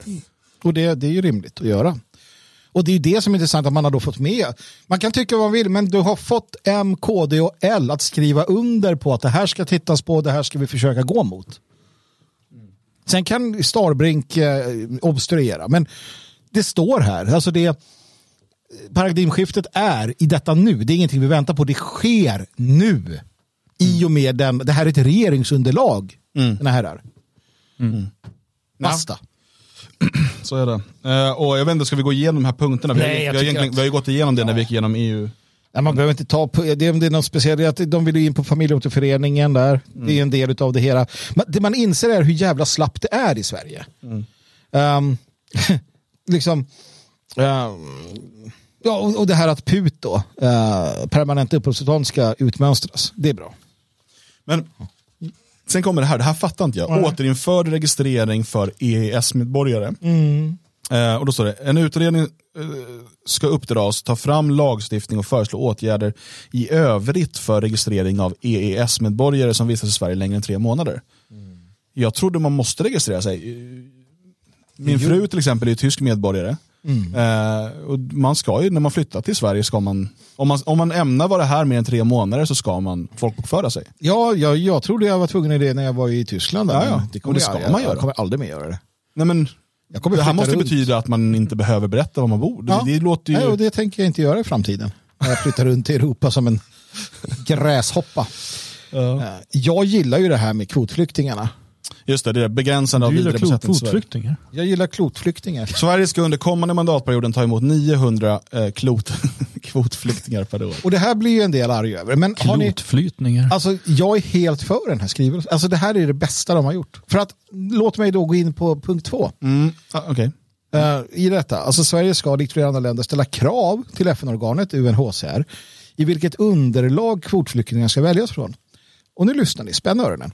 Urvalet ska utgå från kriterier som ger en välgrundad prognos för god integration i det svenska samhället och i förhållande till svenska värderingar. Alltså, inte en människa från Subsahara kan ju släppas in i Sverige efter detta. Ja, de, de hävdar ju det, men sen när de ska förtydliga så står det ju att inom den ramen ska kvinnor och flickor samt utsatta grupper som hbtq-personer Ja. prioriteras. Alltså, Så att det blir ju subsahara-bögar. nej, för de kan inte integreras. Däremot personer som är hbtq, kvinnor eller flickor från områden där man är väldigt lika oss så att man kan Just det, det integreras ge, i det ska ge Sverige. en välgrundad prognos Ja. för god integration. En hbtq, homosexuell, en homosexuell man från Subsahara uppfyller ju inte allt detta. Nej. Så att Men det finns, här överhuvudtaget manegen. någon? Nej, det gör ju inte det. Nej, det gör ju inte det. Jag tror Nej. ändå att det kommer bli 900 per Jo, jo, men det du måste förstå här, att manegen krattas ju för vad? Det krattas för, för ett, en, en, ett, ett paradigmskifte i hur vi tänker på de här sakerna. För att om vi gör vårt jobb rätt, Björn, som vi gör nu, då sprids det här som ringar på vattnet. Man kommer börja prata om, ja men vi ska ju ta emot dem, men de ska ju kunna anpassa sig och bli en del av vårt samhälle. Och det kan inte den homosexuella Somalien. Det går ju inte. Nej, det är, det är riktigt trevligt att man formulerar sig så här. Mm. Eh, Det uttrycker ju saker som vi aldrig någonsin har sett tidigare i i något regeringssamarbete. Nej. Någonsin vill jag hävda. Och det här har Liberalerna skrivit under på. Mm. Med glädje. Med glädje. Johan Persson han tog sig en sup och sa Bra det här. Ja. Jimmy. Han åkte till, till eh, bokhandel och köpte en fantastiskt fin penna just för det här ändamålet. Jag är lite orolig för Johan Persson. Ja. Det, det är alltså... Jag vet inte. Han borde... Han går nog på läkarkontroller. Det har han råd med. Hur går det Dan? Blir det någon eh, statsminister? Ja, det rullar här. Vi ska se om det eh, kommer väl upp någon eh, i talarstolen här snart. Det är ju sagt till klockan 11, eller hur? Ja. Så de håller väl på att förbereda. Nu står ju alla upp och verkar... Ja, men Kanske så- sjunger något. Jaha, det gjorde de. Det var konsert Vilken i plenisalen. Det där var en överraskning måste jag säga. Ja, fantastisk överraskning. Nej, men så att alltså, jag, jag väljer ju att se de här uh, metapolitiska Mm. Ehm, så, i, i, liksom lite mer avancerat tänkande Jo, men det, än du det, det är ju uppenbarligen positivt. klarar av. Ja, nej, men det är ju positivt att man väljer att använda sådana här ord och även jag menar siffran 900 antar jag väl någonstans är framtagen för att det är det lägsta man kan ta emot utan Precis. att bråka med FN och liknande. Ja. Ska jag säga något som är dåligt här då? Det är viktigt att det blir en fördelning av mottaganden bland Sveriges kommuner och det hänsynstagande som enligt bosättningslagen ska tas till en kommuns sammantagna mottagande av nyanlända och ensamkommande barn samt omfattningen av asylsökande som vistas i kommunen för genomslag. Det dåliga är att de inte använder kommatecken. eh, och att jag gillar inte det här med att man ska tvinga på kommuner för att nu har ni tagit emot så få. Så jag fattar, om du vill ha assimilation Nu kommer talmannen här. så är det rimligt. Jo, men där får du också förstå att i, i, i, Det är Frågan, ska det vara ljud här? Är det inte Nu ju? kommer ljud. i ljud nu. Så att, eh, ska vi Ska jag vända vara- blickarna ska jag mot det här? Eller? nu, Ja, vi tittar på det en stund. Ja, men, för det går väl rätt fort va? Ja, det Han, tror jag. han Nu- föreslår ju Ulf Kristersson och så får alla trycka knapp. Ja, eller så ska folk få berätta varför de ska göra på Ja, det lyssnar jag tror statsministern måste gå fram och lägga tre fingrar på Anne Franks dagbok. Och, Jag tror att de måste berätta innan hur partigrupperna, hur, vårt, därför röstar vi ja eller nej till Ulf Kristersson. jag vet inte. Ja, så kan det mycket väl vara. Jo, men det är så på. det brukar vara. Det var det ju när de röstade om något Det är annat. därför jag ville titta på det här i för, utan. Ja, ja, men nu, Björn, vet du vad, du kan ju gå iväg nu och gå och titta på det här du. Jävla. Så kan vi titta här. Ja, precis. Klockan 11 och kammarens sammanträde har inletts. Oj, nu bestämde Punkt klockan 1. elva. Prövning av förslag till statsminister. Riksdagen ska enligt 6 kapitlet, fjärde paragrafen, andra stycket regeringsformen pröva ett förslag till ny statsminister inom fyra dagar. Förslaget ska enligt 11 kapitlet, tredje paragrafen, andra stycket riksdagsordningen bordläggas två gånger. Han vet vad han gör. Jag lämnade fredagen den 14 oktober förslaget att Ulf Kristersson, Moderaterna, ska utses till statsminister. Ulf Kristersson har uppgett att han avser att bilda en regering som består av företrädare för Moderaterna, Kristdemokraterna och Liberalerna. Förslaget har nu bordlagts två gånger och ska prövas vid dagens sammanträde. Ordet är fritt och har begärts Mm. Här kommer av det. Tobias Billström, Moderaterna. Det här är timmar Där utav stoppade sändningen. långa samtal. Varför blev det så här? Varför stoppar det sändning? Jag vet inte. Riksdagen.se. Ska vi hasta igenom det här då? Ni vill inte höra deras argumentation? Ja, jag hade kunnat stå här en timme eller två, men, Ska vi inte göra det? Nej, men det vill jag. Ju fan börjar bli hungrig. Vi har ju sänt den. Alltså, vi måste ju kunna... Nej, Jag får hoppas SVT inte blir arga om vi tar deras sändning. det är klart de inte blir. Tror du Ja, det? men det, funkar inte på riksdagen.se längre. Nej. Helvete. Här syftar han ju bland annat, eh, tänker jag, på, Men- på det faktum att Aha, partierna det vill Vad är det som händer? Men det var inte direkt så. Men de eh, kanske bröt sanningen. och den bristande integrationen. Energikrisen som har lett till extrema elpriser, långa vårdköer, oordning i skolan, den ekonomiska situationen med många farhågor inför både landets och hushållens ekonomi. Jag inser ju nu hur tråkigt det här är. sker i det allvarligaste Men om vi lägger säkerhetspolitiska musik läget sedan andra världskriget. ska säga. Förändring är inte bara nödvändig. Jag kommer titta på det här sen, jag Förändring är är nu också möjlig. Dessa nyss nämnda kriser kommer att behöva lösas samtidigt. Tänker något sånt här. Vi känner stor ödmjukhet inför uppgiften och är medvetna om att det inte kommer att vara enkelt att vända utvecklingen. Men så stora Blir det bättre problem på så många områden Det här samtidigt tycker jag är respektlöst det mot uh, vårt Men vi är nu redo fina system. att starta arbetet. Visst, Många man, man får inte skoja om man är Sverige frank, men det upplever där. idag ängslan inför Du, framtiden. vill du ge- De känner oro Ja, över kriget, Hade, hade hon skrivit Tobias och Billström var ekonomin. kåtheten själv, tror Men jag också faktiskt att det över den hade politiska varit annorlunda. Ja, men han är ju uppenbarligen inte det. Hans libido är ju Sverige som behöver en... en statsminister som vill Nej, samla jag skojar, landet, jag vet ingenting om inte det. splittra. Vi har samlats här idag i kammaren Ska vi lyssna för på alla, eller? Vad är det för flaggor Moderaternas partiledare Ulf Kristersson har meddelat att han vill bilda en regering bestående av Moderaterna, Kristdemokraterna och Liberalerna. Ska vi lyssna sen? Nej. samarbeta. Nej. Jag hämtar en stol. Ja, men vi låter det. Vi, det här får, ni, helt ärligt, vi, vi kollar, vi har på sändningen här. ja, ja. Det är så- lite kul bakgrunds... Får vi se vad den... eh, Vi kan säga så här, de som går upp från re- regeringspartierna, de kommer vara för. Och de som går upp för de andra partierna, de kommer vara emot. Tvärtom. Och sen kommer de rösta. Det kan vara lite kul att höra Liberalen i och för sig. Regeringspartiet kommer vara mot. De här andra vill ju ha regering. Så de som sitter i regering nu, Björn. men nya fan jävla bästa- men det är inte jag. klart ännu. Jo, men snart är det klart. Det... Jaha, är det så det fungerar nu? Ja. Ja, då får man få ringa Nor- Norlén och säga ursäkta, Okej, du vi går vidare. Hörrni, vi går vidare i våra fina papper här. Klubban ska fram. Skärpta villkor för arbetskraftsinvandring. Ja, det är väl bra. Det är hungrig. Ehm, och där har man ju pratat om det här med ehm, ska vi se. Utgångspunkten ska vara att arbetstillstånd endast ska beviljas om det arbete till vilket arbetskraftsinvandring sker i normalfallet har en lönenivå motsvarande medianlönen. Den exakta nivån blir en fråga för utredningen att ta ställning till. Eh, och det är väl, eh, sen så ska man också då ehm, få i uppdrag att utreda och kartlägga problem relaterade till arbetskraftsinvandringen. Det här är så här, jag förstår att folk kan tycka att det låter som eh, mumbo jumbo. Liksom. Mm, det är Eh, jätteviktigt. Precis, för att överhuvudtaget man formulerar det. Problem Mm. med arbetskraftsinvandringen. Detta ska utredas. Det gör man inte i, i, i, en, i, en, eh, i den gamla regeringen så skulle man inte utreda det. För Nej, det det fanns inga problem. Nej. Eh, och nu är ju hon... och större splittring i vårt land. En högerpolitik som kommer leda till försämringar Vi för lyssnar när vanligt de folk. pratar. En ekonomisk politik som riskerar göra svenskar fattigare genom att driva på inflationen och höja Jag vill boräntorna. Samtidigt som den tvingar fram lyssnare tycker att det här är- att det här i är skolan, fragmentariskt. i vården och i äldreomsorgen. En politik som riskerar underlätta de Ja, men kriminellas skit i det nu. Alltså, vi vet ju att hon inte tycker om det här. uh, någonstans ändå. Ja, får se. Jag kan kanske dra upp volymen ibland. Ja, men det, är så här, det här arbetstillstånd då. Ja, man ska typ ha en helt Jag tycker det är roligt att låtsas ställa frågor till henne. Ja. Ja, så här, Hallengren, eh, vad tycker du egentligen om migrationen? fria välfärdsnation. Ja, Välfärdsnation har råd. och så bara gör man sådär. Det blir ju inte jättebra. Jo, och sen så till exempel, ehm, är du säker på att det, var, att det var rimligt att äta den där frukosten idag? Humanism och internationell solidaritet Ja, det är helt rätt Hallengren. Men det blir inte roligt. Jag vet inte. Det kanske behöver att man vet vad svaret blir. Lite mer klipp. Det här kan man klippa med kanske. efteråt, Ja. tänker jag. Eh, Men jag är i grund för idén. ja, det är det. Är. Allt som är respektlöst är jag för idag. Ja. Nej, nu, mm, mm. Hörde du det där? Och sen ska man då få uppdrag att lämna följande förslag. Författningsändringar varigenom arbetstillstånd endast kan beviljas utlänning som ordnat en heltäckande sjukvårdsförsäkring för den första tillståndstiden.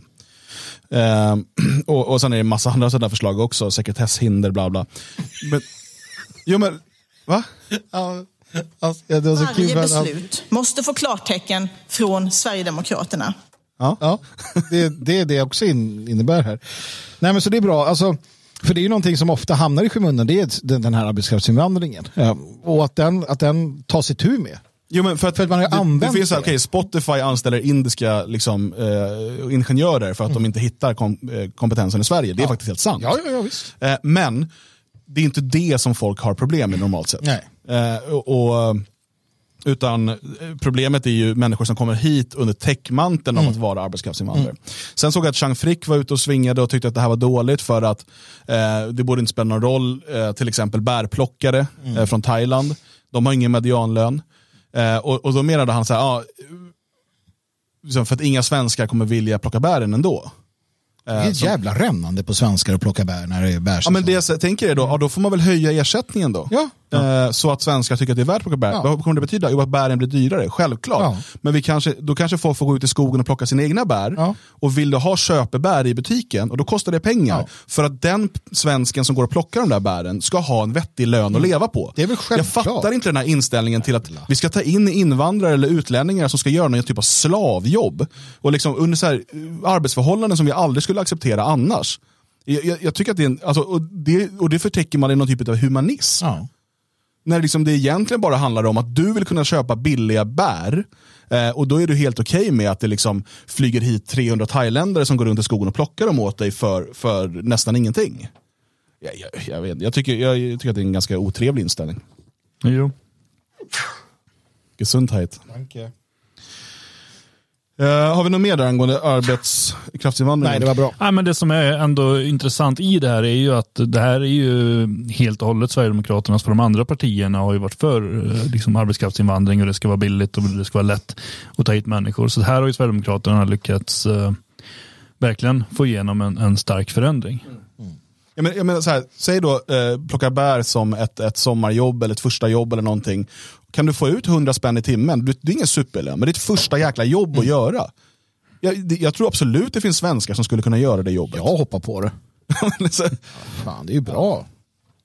Och jag förstår inte varför, just för att man plockar bär så ska man inte få betalt för sin, sin arbetstid. Eller vadå? varför hatar, liksom, varför, varför ses bärplockning som så är så här, nej men det där ska man väl inte behöva betala en, en vettig Nej. lön för, det är ju bara bärplockning. Ja. men plocka bären själv då, Ja, gubbe. precis. Det är ju en asiat, de är ju barnsligt förtjusta i att gå och plocka Ja, bär. de älskar bär. Det är ju att de är kortare och närmare till marken. Ja, kan vara. Det är ett övertag de har i arbetet. Eh, Okej. Vi lämnar arbetskraftsinvandringen där och där har vi också då översyn av prövningen av asylansökan från säkra länder. En översyn ska göras av det befintliga regelverket om säkra ursprungsländer för att möjliggöra att länder där delar av landet kan betraktas som säkert förs upp på listan samt för att överväga att flytta ansvar för listan om säkra länder från Migrationsverket till regeringskansliet. Fattar ni vad det här betyder? Ja, ja, det är eh, sjukt bra. Ta bort det från aktivisterna, tjänstemännen på Migrationsverket. Ja. Det här ska regeringen bestämma. Ja. Vilka länder som är säkra bestämmer vi. Ja. Och är det dessutom delar av landet säkert, nej, då kan du inte heller få asyl. Nej, det, är- det är ju det. Eh, liksom, frälsningen är i detaljerna. Ehm, för att eh, den, om det implementeras, då, är det ju då är det slut för, för Migrationsverkets aktivister. Slut på snusket. Slut på snusket, hashtag, ny hashtag för regeringen. Och så är det. Jävlar. Drain the snusk. Eh, transitcenter ska införas för hela asylprocessen. Det här är internera, deportera, repatriera. Va? Absolut. Eh, tilläggsdirektiv ska beslutas för den pågående utredningen om ett ordnat initialt mottagande av asylsökande för att förändra uppdraget i syfte att analysera och ta fram förslag för hur transitcenter kan införas i enlighet med asylprocedurdirektivet artikel 43. Utgångspunkten ska vara att hela asylprocessen ska ske i transitcenter och att asylsökande ska tillbringa hela handläggningstiden i transitcenter. De ska vara inspärrade. Det här var det vi krävde från när vi hade motgift, när vi Ja. lanserade internera, deportera, repatriera. Det var så det började. Och nu har vi det här. Ja. Alltså på riktigt. Ja, det är alltså, tack och- vare oss. Tänk på det ni där ute som lyssnar. Vi, jag, framförallt, drev igenom det här. Ja, men alltså, det här är superviktigt. Kommer du hit som asylsökande, så länge ditt ärende behandlas så ska du inte kunna liksom, gå runt på stan eh, okontrollerad och liksom leva som, en, som, en, som någon som har rätt att vara här. Ja. Utan då får du bo på det här transitcentret och då får du befinna dig där tills beslut har fattats. Det är också för att kunna verkställa ehm, ehm, ehm, deporteringen ifall du inte får vara kvar. Precis. Ehm, och så säger utredningen ska bland annat kartlägga och analysera hur transitzoner för asylsökande implementeras i andra länder inom EU och andra jämförbara länder. Man ska avskaffa EBO-bestämmelsen och förlägga asylprocessen till transitcenter. Eh, utreda och lämna författningsförslag om att asylsökande ska åläggas att vistas i transitcenter under tiden deras asylansökan handläggs. Utreda hur införda transitcenter förhåller sig till grundlag och Europakonventionen. Det där måste man kolla upp såklart. Eh, annars får man bara lämna EU. i mitt förslag. Eh, och sen vilka tvångsmedel man kan använda. Eh, var och med vilket huvudmannaskap och med vilka praktiska förberedelser sådana transitcenter lämpligen kan upprättas. Och identifiera och ta fram förslag till vilka följdändringar som är nödvändiga att genomföra för att inrätta ett system i transitcenter. Det här, det här är en viktig förändring för liksom hela, hur hela den här processen går till. Ja, nej men absolut, absolut, det, det är det. Ja. Sen kommer vi ju till det här med vandel, vilket är jätteviktigt i sammanhanget. Vad står det där då? Den som befinner sig i Sverige och åtnjut, åtnjuter svensk, eh, svenska gästfrihet. Va? Svenska gästfriheten va? Okej, Den som befinner sig i Sverige och åtnjuter svenska gästfriheten har en skyldighet att uppvisa respekt. Nej men det här är jätteviktigt, jag ska, jag ska inte skoja bort det här. Alltså, befinner du dig i Sverige och åtnjuter vår gästfrihet så har du en skyldighet att uppvisa respekt i förhållande till grundläggande svenska värderingar och inte i handling missakta befolkningen. Alltså det här är så grundläggande för att om du gör det så vill man då att möjligheten att utvisa utlänningar av bristande vandel, alltså, och med bristande vandel, det här som polisen inte förstod, avses regelefterlevnad, association med kriminell organisation, nätverk eller klan, prostitution, missbruk, deltagande i våldsbejakande eller extremistiska organisationer eller miljöer som hotar grundläggande svenska värden eller om det i övrigt föreligger otvetydigt konstaterade anmärkningar i fråga om levnadssätt. D där har du det. Mm. Boom! Alltså, om du eh, förnedringsrånar en svensk ung kille, ut. Så, ut. Det, det är liksom så. Um, du ska lära dig, och det här sen kommer man in på i skärpta krav för medborgarskap. Du ska lära dig, Björn Björkqvist, när du kommer hit, att respektera värdfolket, din jävel. Du ska fatta att vi svenskar är de som bestämmer i Sverige. Ja, men då kanske jag åker någon annanstans då, om det ska vara på det viset. Mm. Det är inte så roligt för er kanske. Nej, kanske inte. Men vi, vi tar det. Ja, och det är därför det här är så vansinnigt viktigt och det är därför man har tjutit, kära, kära lyssnare och tittare, tjutit för det här med vandel, det här med att, att helt, plötsligt, helt plötsligt så måste du sköta dig. Det är det man avskyr. Man avskyr att du måste sköta dig för att vänstern lever på att antisociala, asociala element finns lösa i samhället. Man, det var ju därför man öppnade Bastiljen. Det första de gör i sina revolutioner är att släppa ut mördarna, våldtäktsmännen, galningarna. I USA det man gör, man, man ser till så att åklagare släpper ut brottslingar, har brottslingar på gatorna. För då kan man som befolkning, då kräver befolkningen en stark stat som ska så att säga, rädda dem undan krim- kriminella. Vänstern älskar kriminella. Är Um, så att därför är det här så fantastiskt att det här finns med i regeringsunderlaget. Det, det kan liksom inte ja, bli bättre ändå. ja nej, men det här ihop med transitcentrum, för det kommer ju locka, eller det kommer, motsatsen till locka, det kommer ju se till att väldigt många inte kommer. För att vi vet ju att väldigt många av de som kommer hit, de bor ju redan i eh, asylcenter, typ Turkiet. Och sen så kommer de hit för de vet att här kan de glassa runt, ha det gott, eh, betydligt trevligare. De är inte flyktingar utan de sticker ifrån asylboenden. Eh, och då vill de naturligtvis inte komma till ett annat asylboende där de hålls instängda. Så att vi kommer ju redan där minska enormt mycket om, om detta går igenom. Och sen ihop med det då att vi kan eh, lättare kasta ut människor som inte beter sig. Ja, och sen ihop med det då, vi går snabbt vidare. eh, att asylsökanden kanske ska behöva bära en större del av kostnaden för sin egen jävla asylprövning.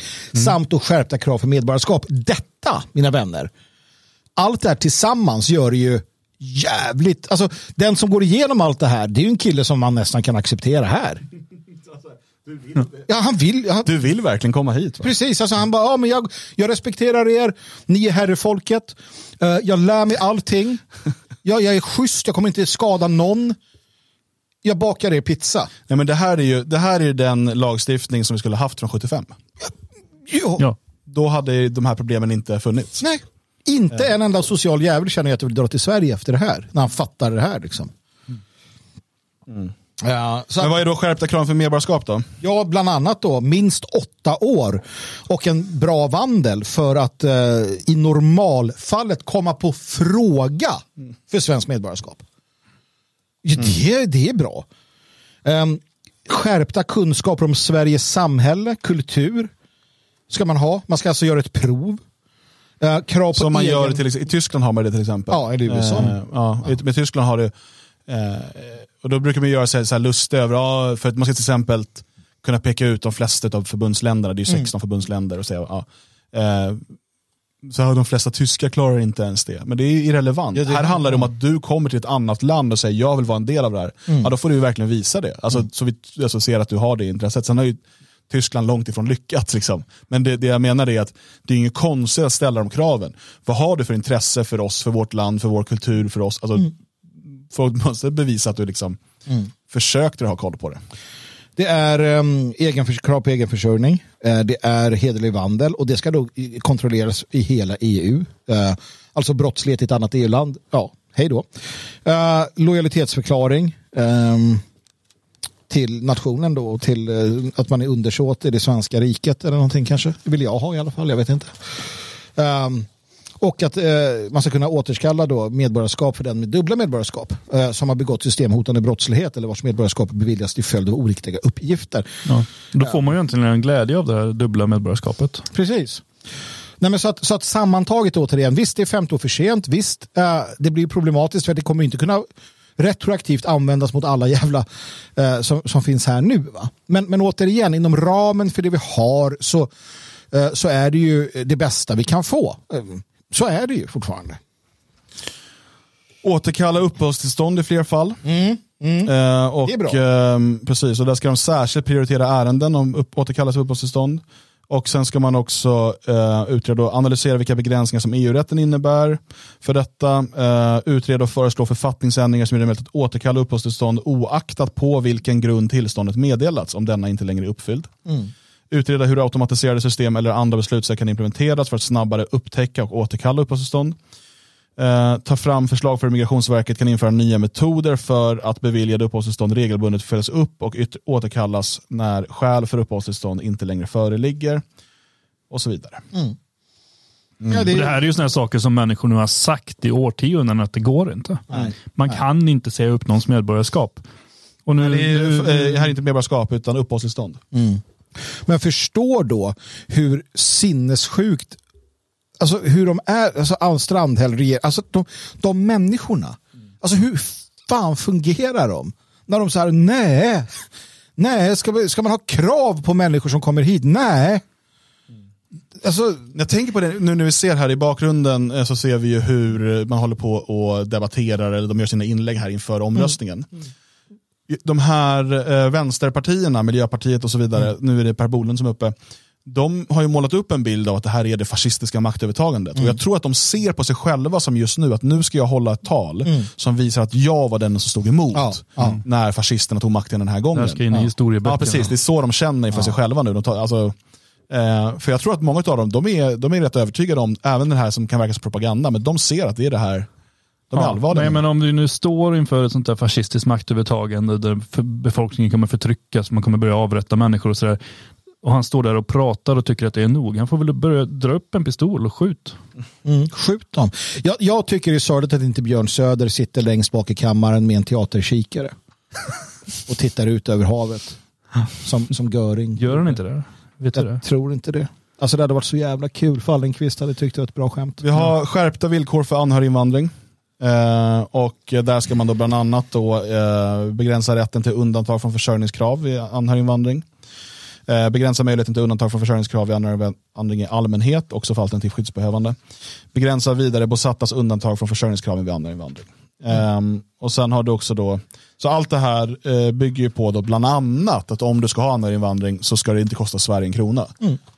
Ehm, men sen finns det ju en massa andra också, eh, så sätt som gör att det kanske blir Sen ska man också utreda och föreslå att DNA-tester ska användas för att styrka släktskap vid anhöriginvandring såvida det inte är uppenbart obehövligt. Mm. Återigen, vi ska göra det så knepigt, jobbigt eh, och tydligt som det bara är möjligt. Va? Mm. Och det är det som också är en, en röd tråd genom hela det här, att, att det ska vara jobbigt, det ska vara svårt, det ska vara hinder att överkomma för att få bli en del av eh, den här underbara, fina svenska gemenskapen som vi har här.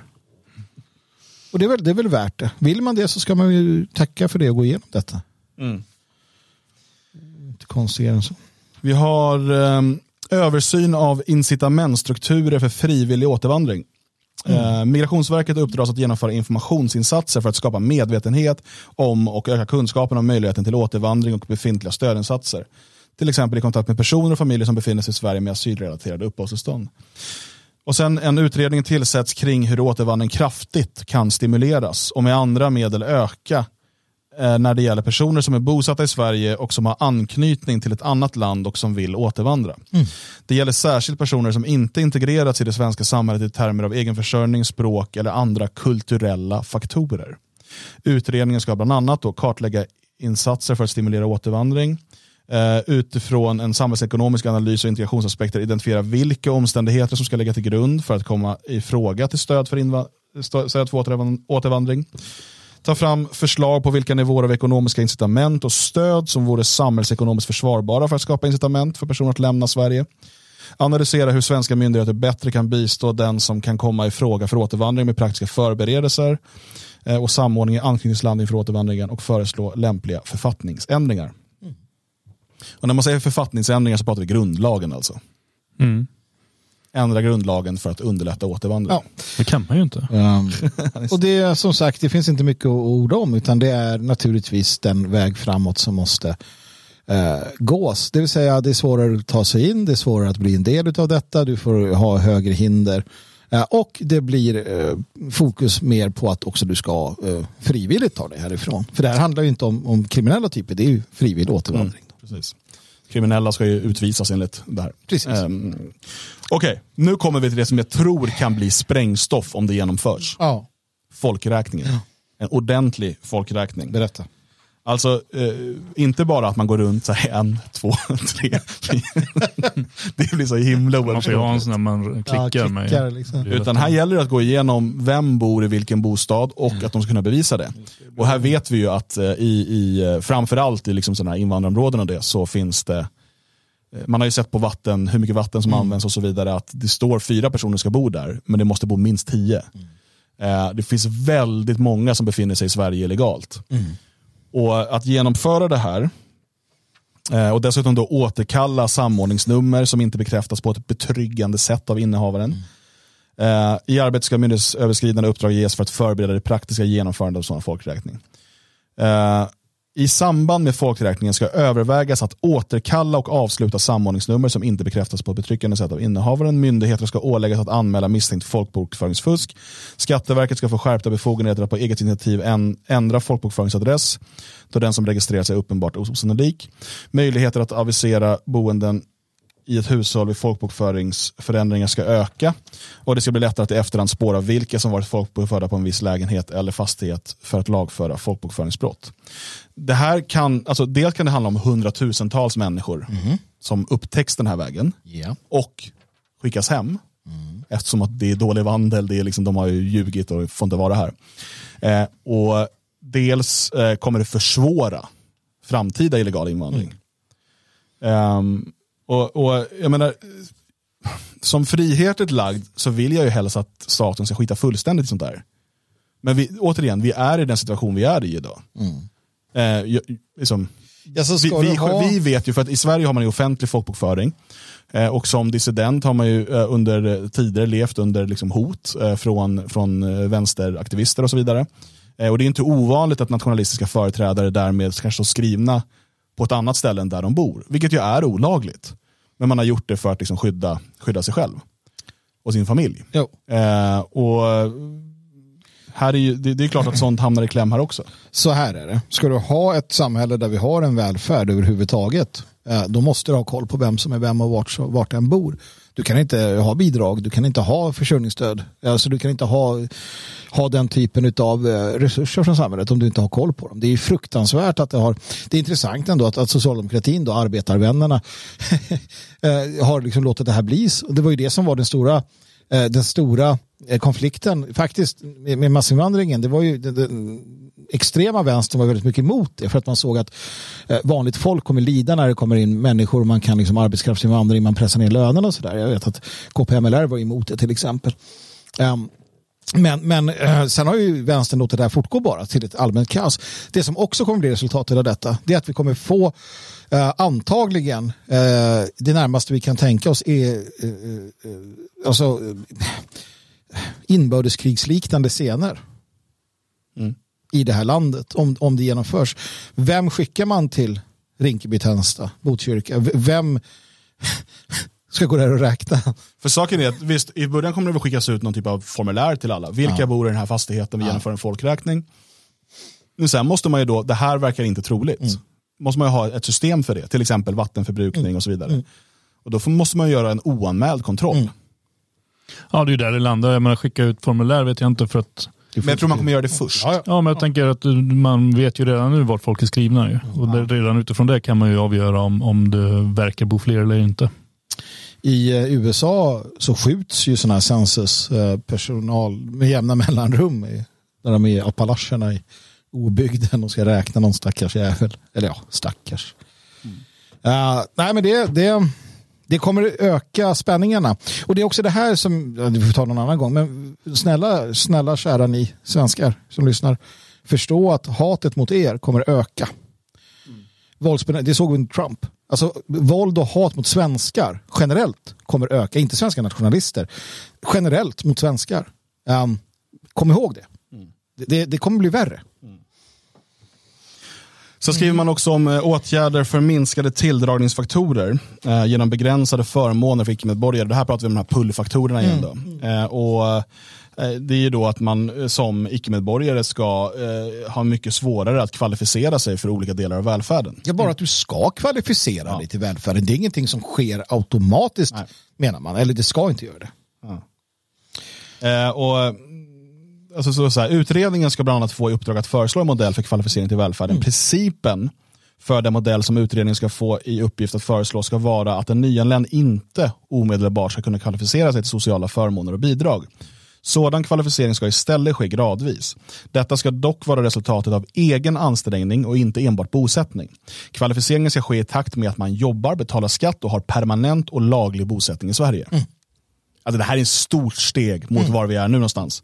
Eh, och då pratar man alltså om föräldrapenning, barnbidrag, bostadsbidrag, flerbarnstillägg, omvårdnadsbidrag, merkostnadsersättning, assistansersättning eh, och även Eh, kompletterande försörjningsstöd som ska tas bort helt. Även då ekonomiskt bistånd, det vi tidigare kallade för socialbidrag. Mm. Allt det här ska man behöva kvalificera sig för. Du kan inte komma till Sverige och börja med att få bidrag. Mm. Utan det de skriver här är att utgångspunkt ska vara att du ska arbeta, betala skatt och då har du kvalificerat dig in i det. Mm. Det gör det ju nästan omöjligt för människor att komma till Sverige om de inte redan har ett jobb här. Mm. Ja.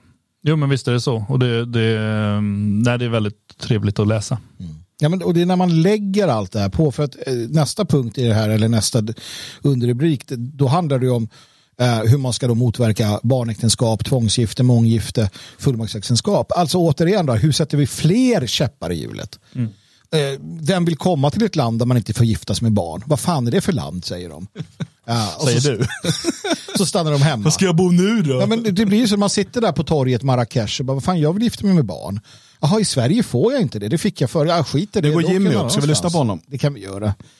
Jimmy Åkesson. Jimmy, Jimmy, Jimmy, Jimmy, Jimmy. Tack så mycket, herr talman. Varsågod Jimmy. Varsågod. Um, det är ju inte vi här inne i, i riksdagens kammare som ger partier politiskt inflytande. Utan det är ju väljarna som gör det i en demokrati. Och nu har väljarna sagt sitt. Man har röstat på de partier som man tror har det bästa botemedlet på de problem som vi står inför. Och sen får vi ett resultat. Och det är utifrån det valresultatet som olika partier nu får igenom olika delar av sin politik. Inte beroende i första hand på hur vi röstar här idag, utan hur vi röstar här idag det är en konsekvens av hur väljarna röstade den 11 september. Jag vill bara ha det sagt, herr talman. Eh, vi dras med väldigt allvarliga problem i Sverige idag. Vi har en orolig, osäker omvärld. Mycket mer osäkert än på väldigt länge. Vi har ett osäkert ekonomiskt läge. Vi har eh, en energikris med närmast overkliga el och drivmedelspriser. Vi har en kriminalitet med gängvåld och skjutningar. Vi har segregation, splittring, polarisering. Vår välfärd utmanas av inflation, arbetsbrist och demografi. Och en del av det här kan man naturligtvis skylla omvärlden för. Det har inte minst den avgående regeringen varit väldigt bra på att göra under eh, hela valrörelsen. Men i allra högsta grad så vilar ett väldigt tungt ansvar på de senaste decenniernas regeringar. Från vänster till höger.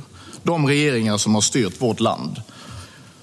Misskötseln har varit påtaglig, precis som bristen på krisinsikt, konsekvenstänkande och verklighetsförankring.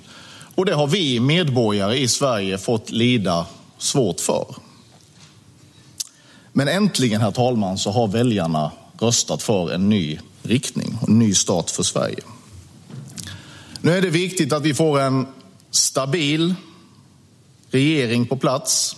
En regering med ett stabilt parlamentariskt förankring.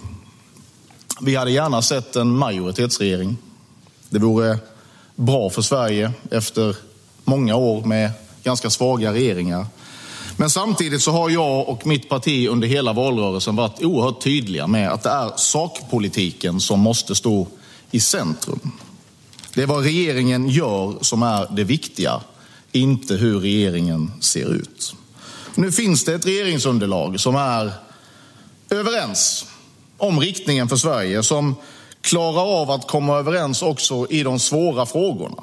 För att klara de här utmaningarna som vi står inför och som har möjlighet att ge Sverige den här nödvändiga nystarten. Sverigedemokraterna, Moderaterna, Kristdemokraterna och Liberalerna har hittat en väg framåt. Och vi är nu överens om kriminalpolitiken. Brottsligheten ska tryckas tillbaka, tryggheten ska öka, brottsoffer ska ges upprättelse. Vi är överens om invandringspolitiken, att det måste ske ett paradigmskifte från ansvarslöshet och kravlöshet till ordning och reda, rimlighet och sunt förnuft. Vi är, energi, vi är överens om energipolitiken. Där vi nu har haft en regering som har slagit sönder världens kanske bästa, världens bäst planerade energisystem. Ett mer eller mindre fossilfritt energisystem som man har slagit i spillror. Där får vi nu en möjlighet att långsiktigt återuppbygga stabiliteten. Vi är också överens om väsentliga delar av välfärden. Om riktningen för skolan, om riktningen för vården, om äldres ekonomiska villkor. Vi är överens om att behålla a-kassan på nuvarande nivå. Sverigedemokraterna har en helt avgörande roll i detta, det är alldeles riktigt. Och som största parti bland de fyra i det här regeringsunderlaget och som en parlamentarisk garant för den regering som ska tillträda. Och vi är redo att släppa fram en ny regering, herr talman, eftersom vi genom förhandlingar har förvissat oss om att det är en regering som kommer att göra tillräckligt mycket av det som är nödvändigt för att kunna bryta och vända utvecklingen. Vi är också redo att ta ansvar för det. Vi är redo att ta ansvar för det i de delar där vi har överenskommit med den tillträdande regeringen. Vi kommer att agera lojalt gentemot, vi kommer att hedra den uppgörelse som har slutits.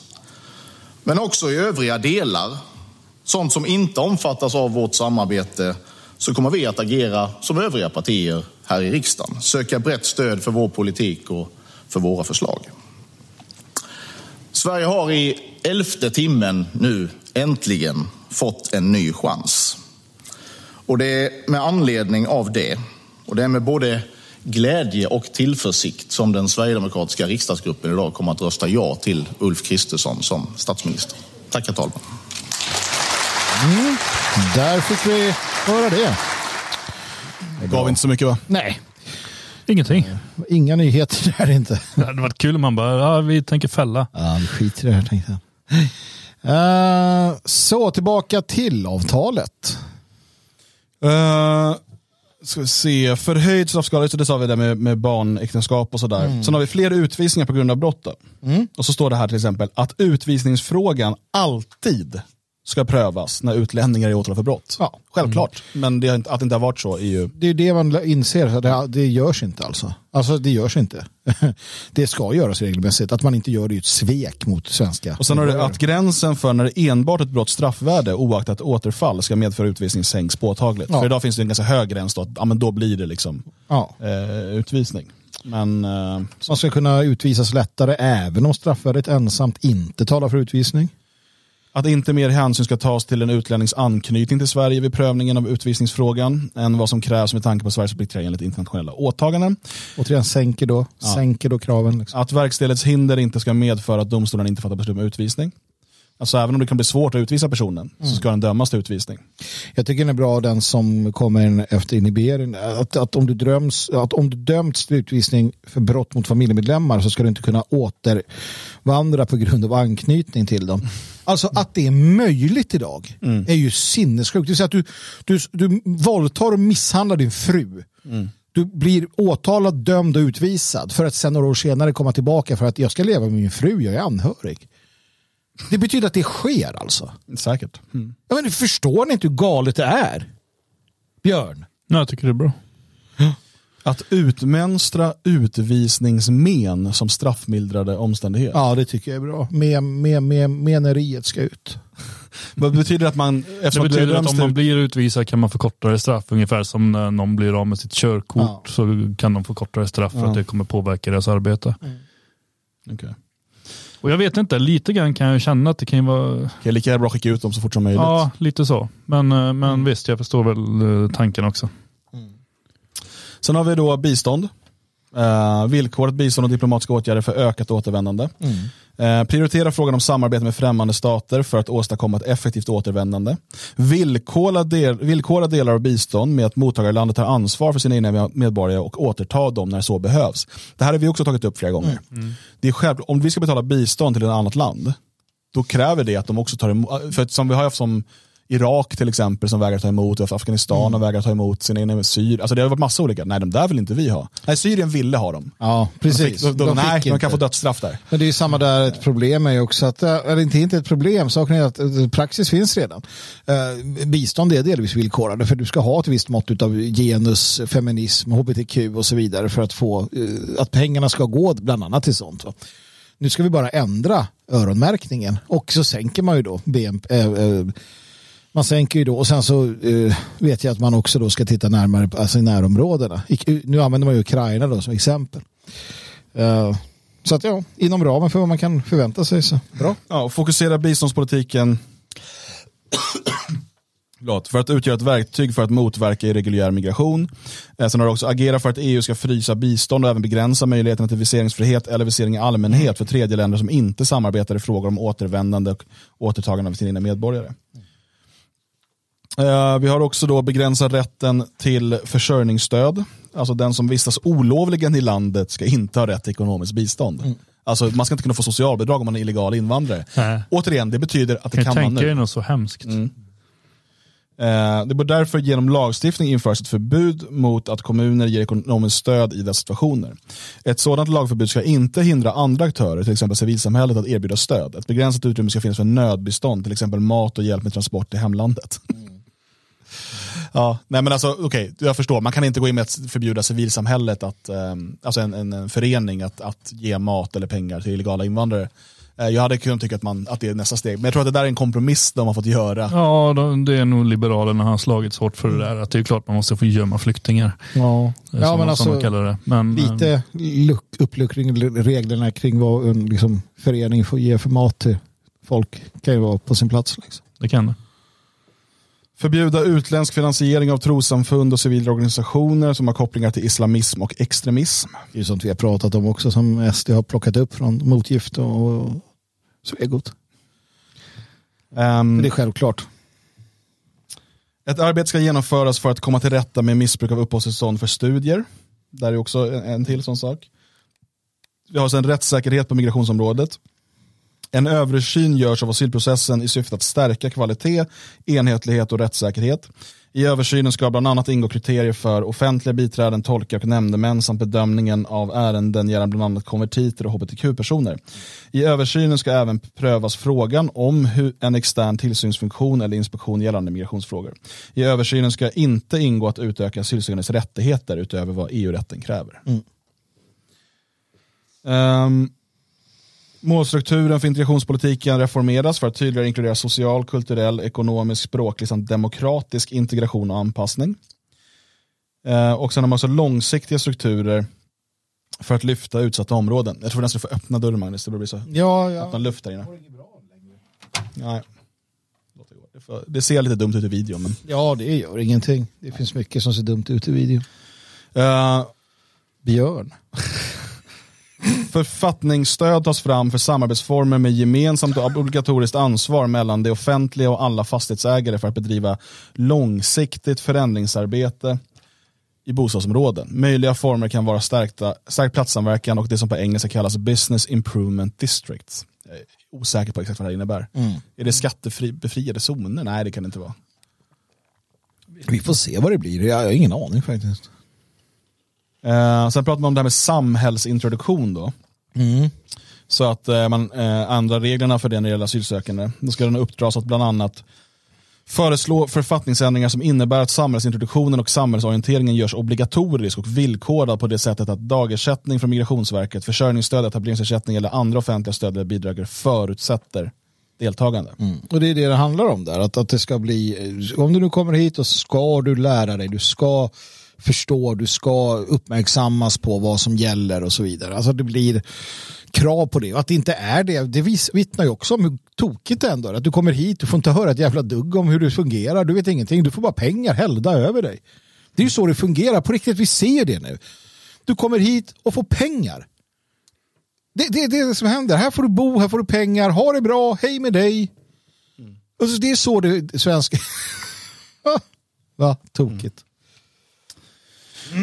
Uh, bosättningslagen och anvisningslagen bör ses över i fråga om viktningen av de faktorer som styr fördelningen av nyanlända samt att bosituationen i en kommun ska utgöra ytterligare en faktor. Lagen bör på sikt, uh, avs bör på sikt ska avskaffas och ersättas med en modell med ett större kommunalt inflytande.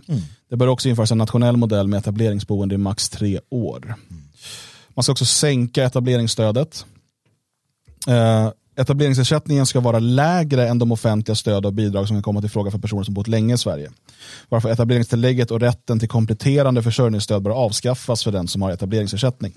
För full etableringsersättning ska krav, krav ställas på aktivt deltagande i SFI och deltagande i aktiviteter på heltid motsvarande de aktivitetskrav som ska införas i försörjningsstödet. Mm.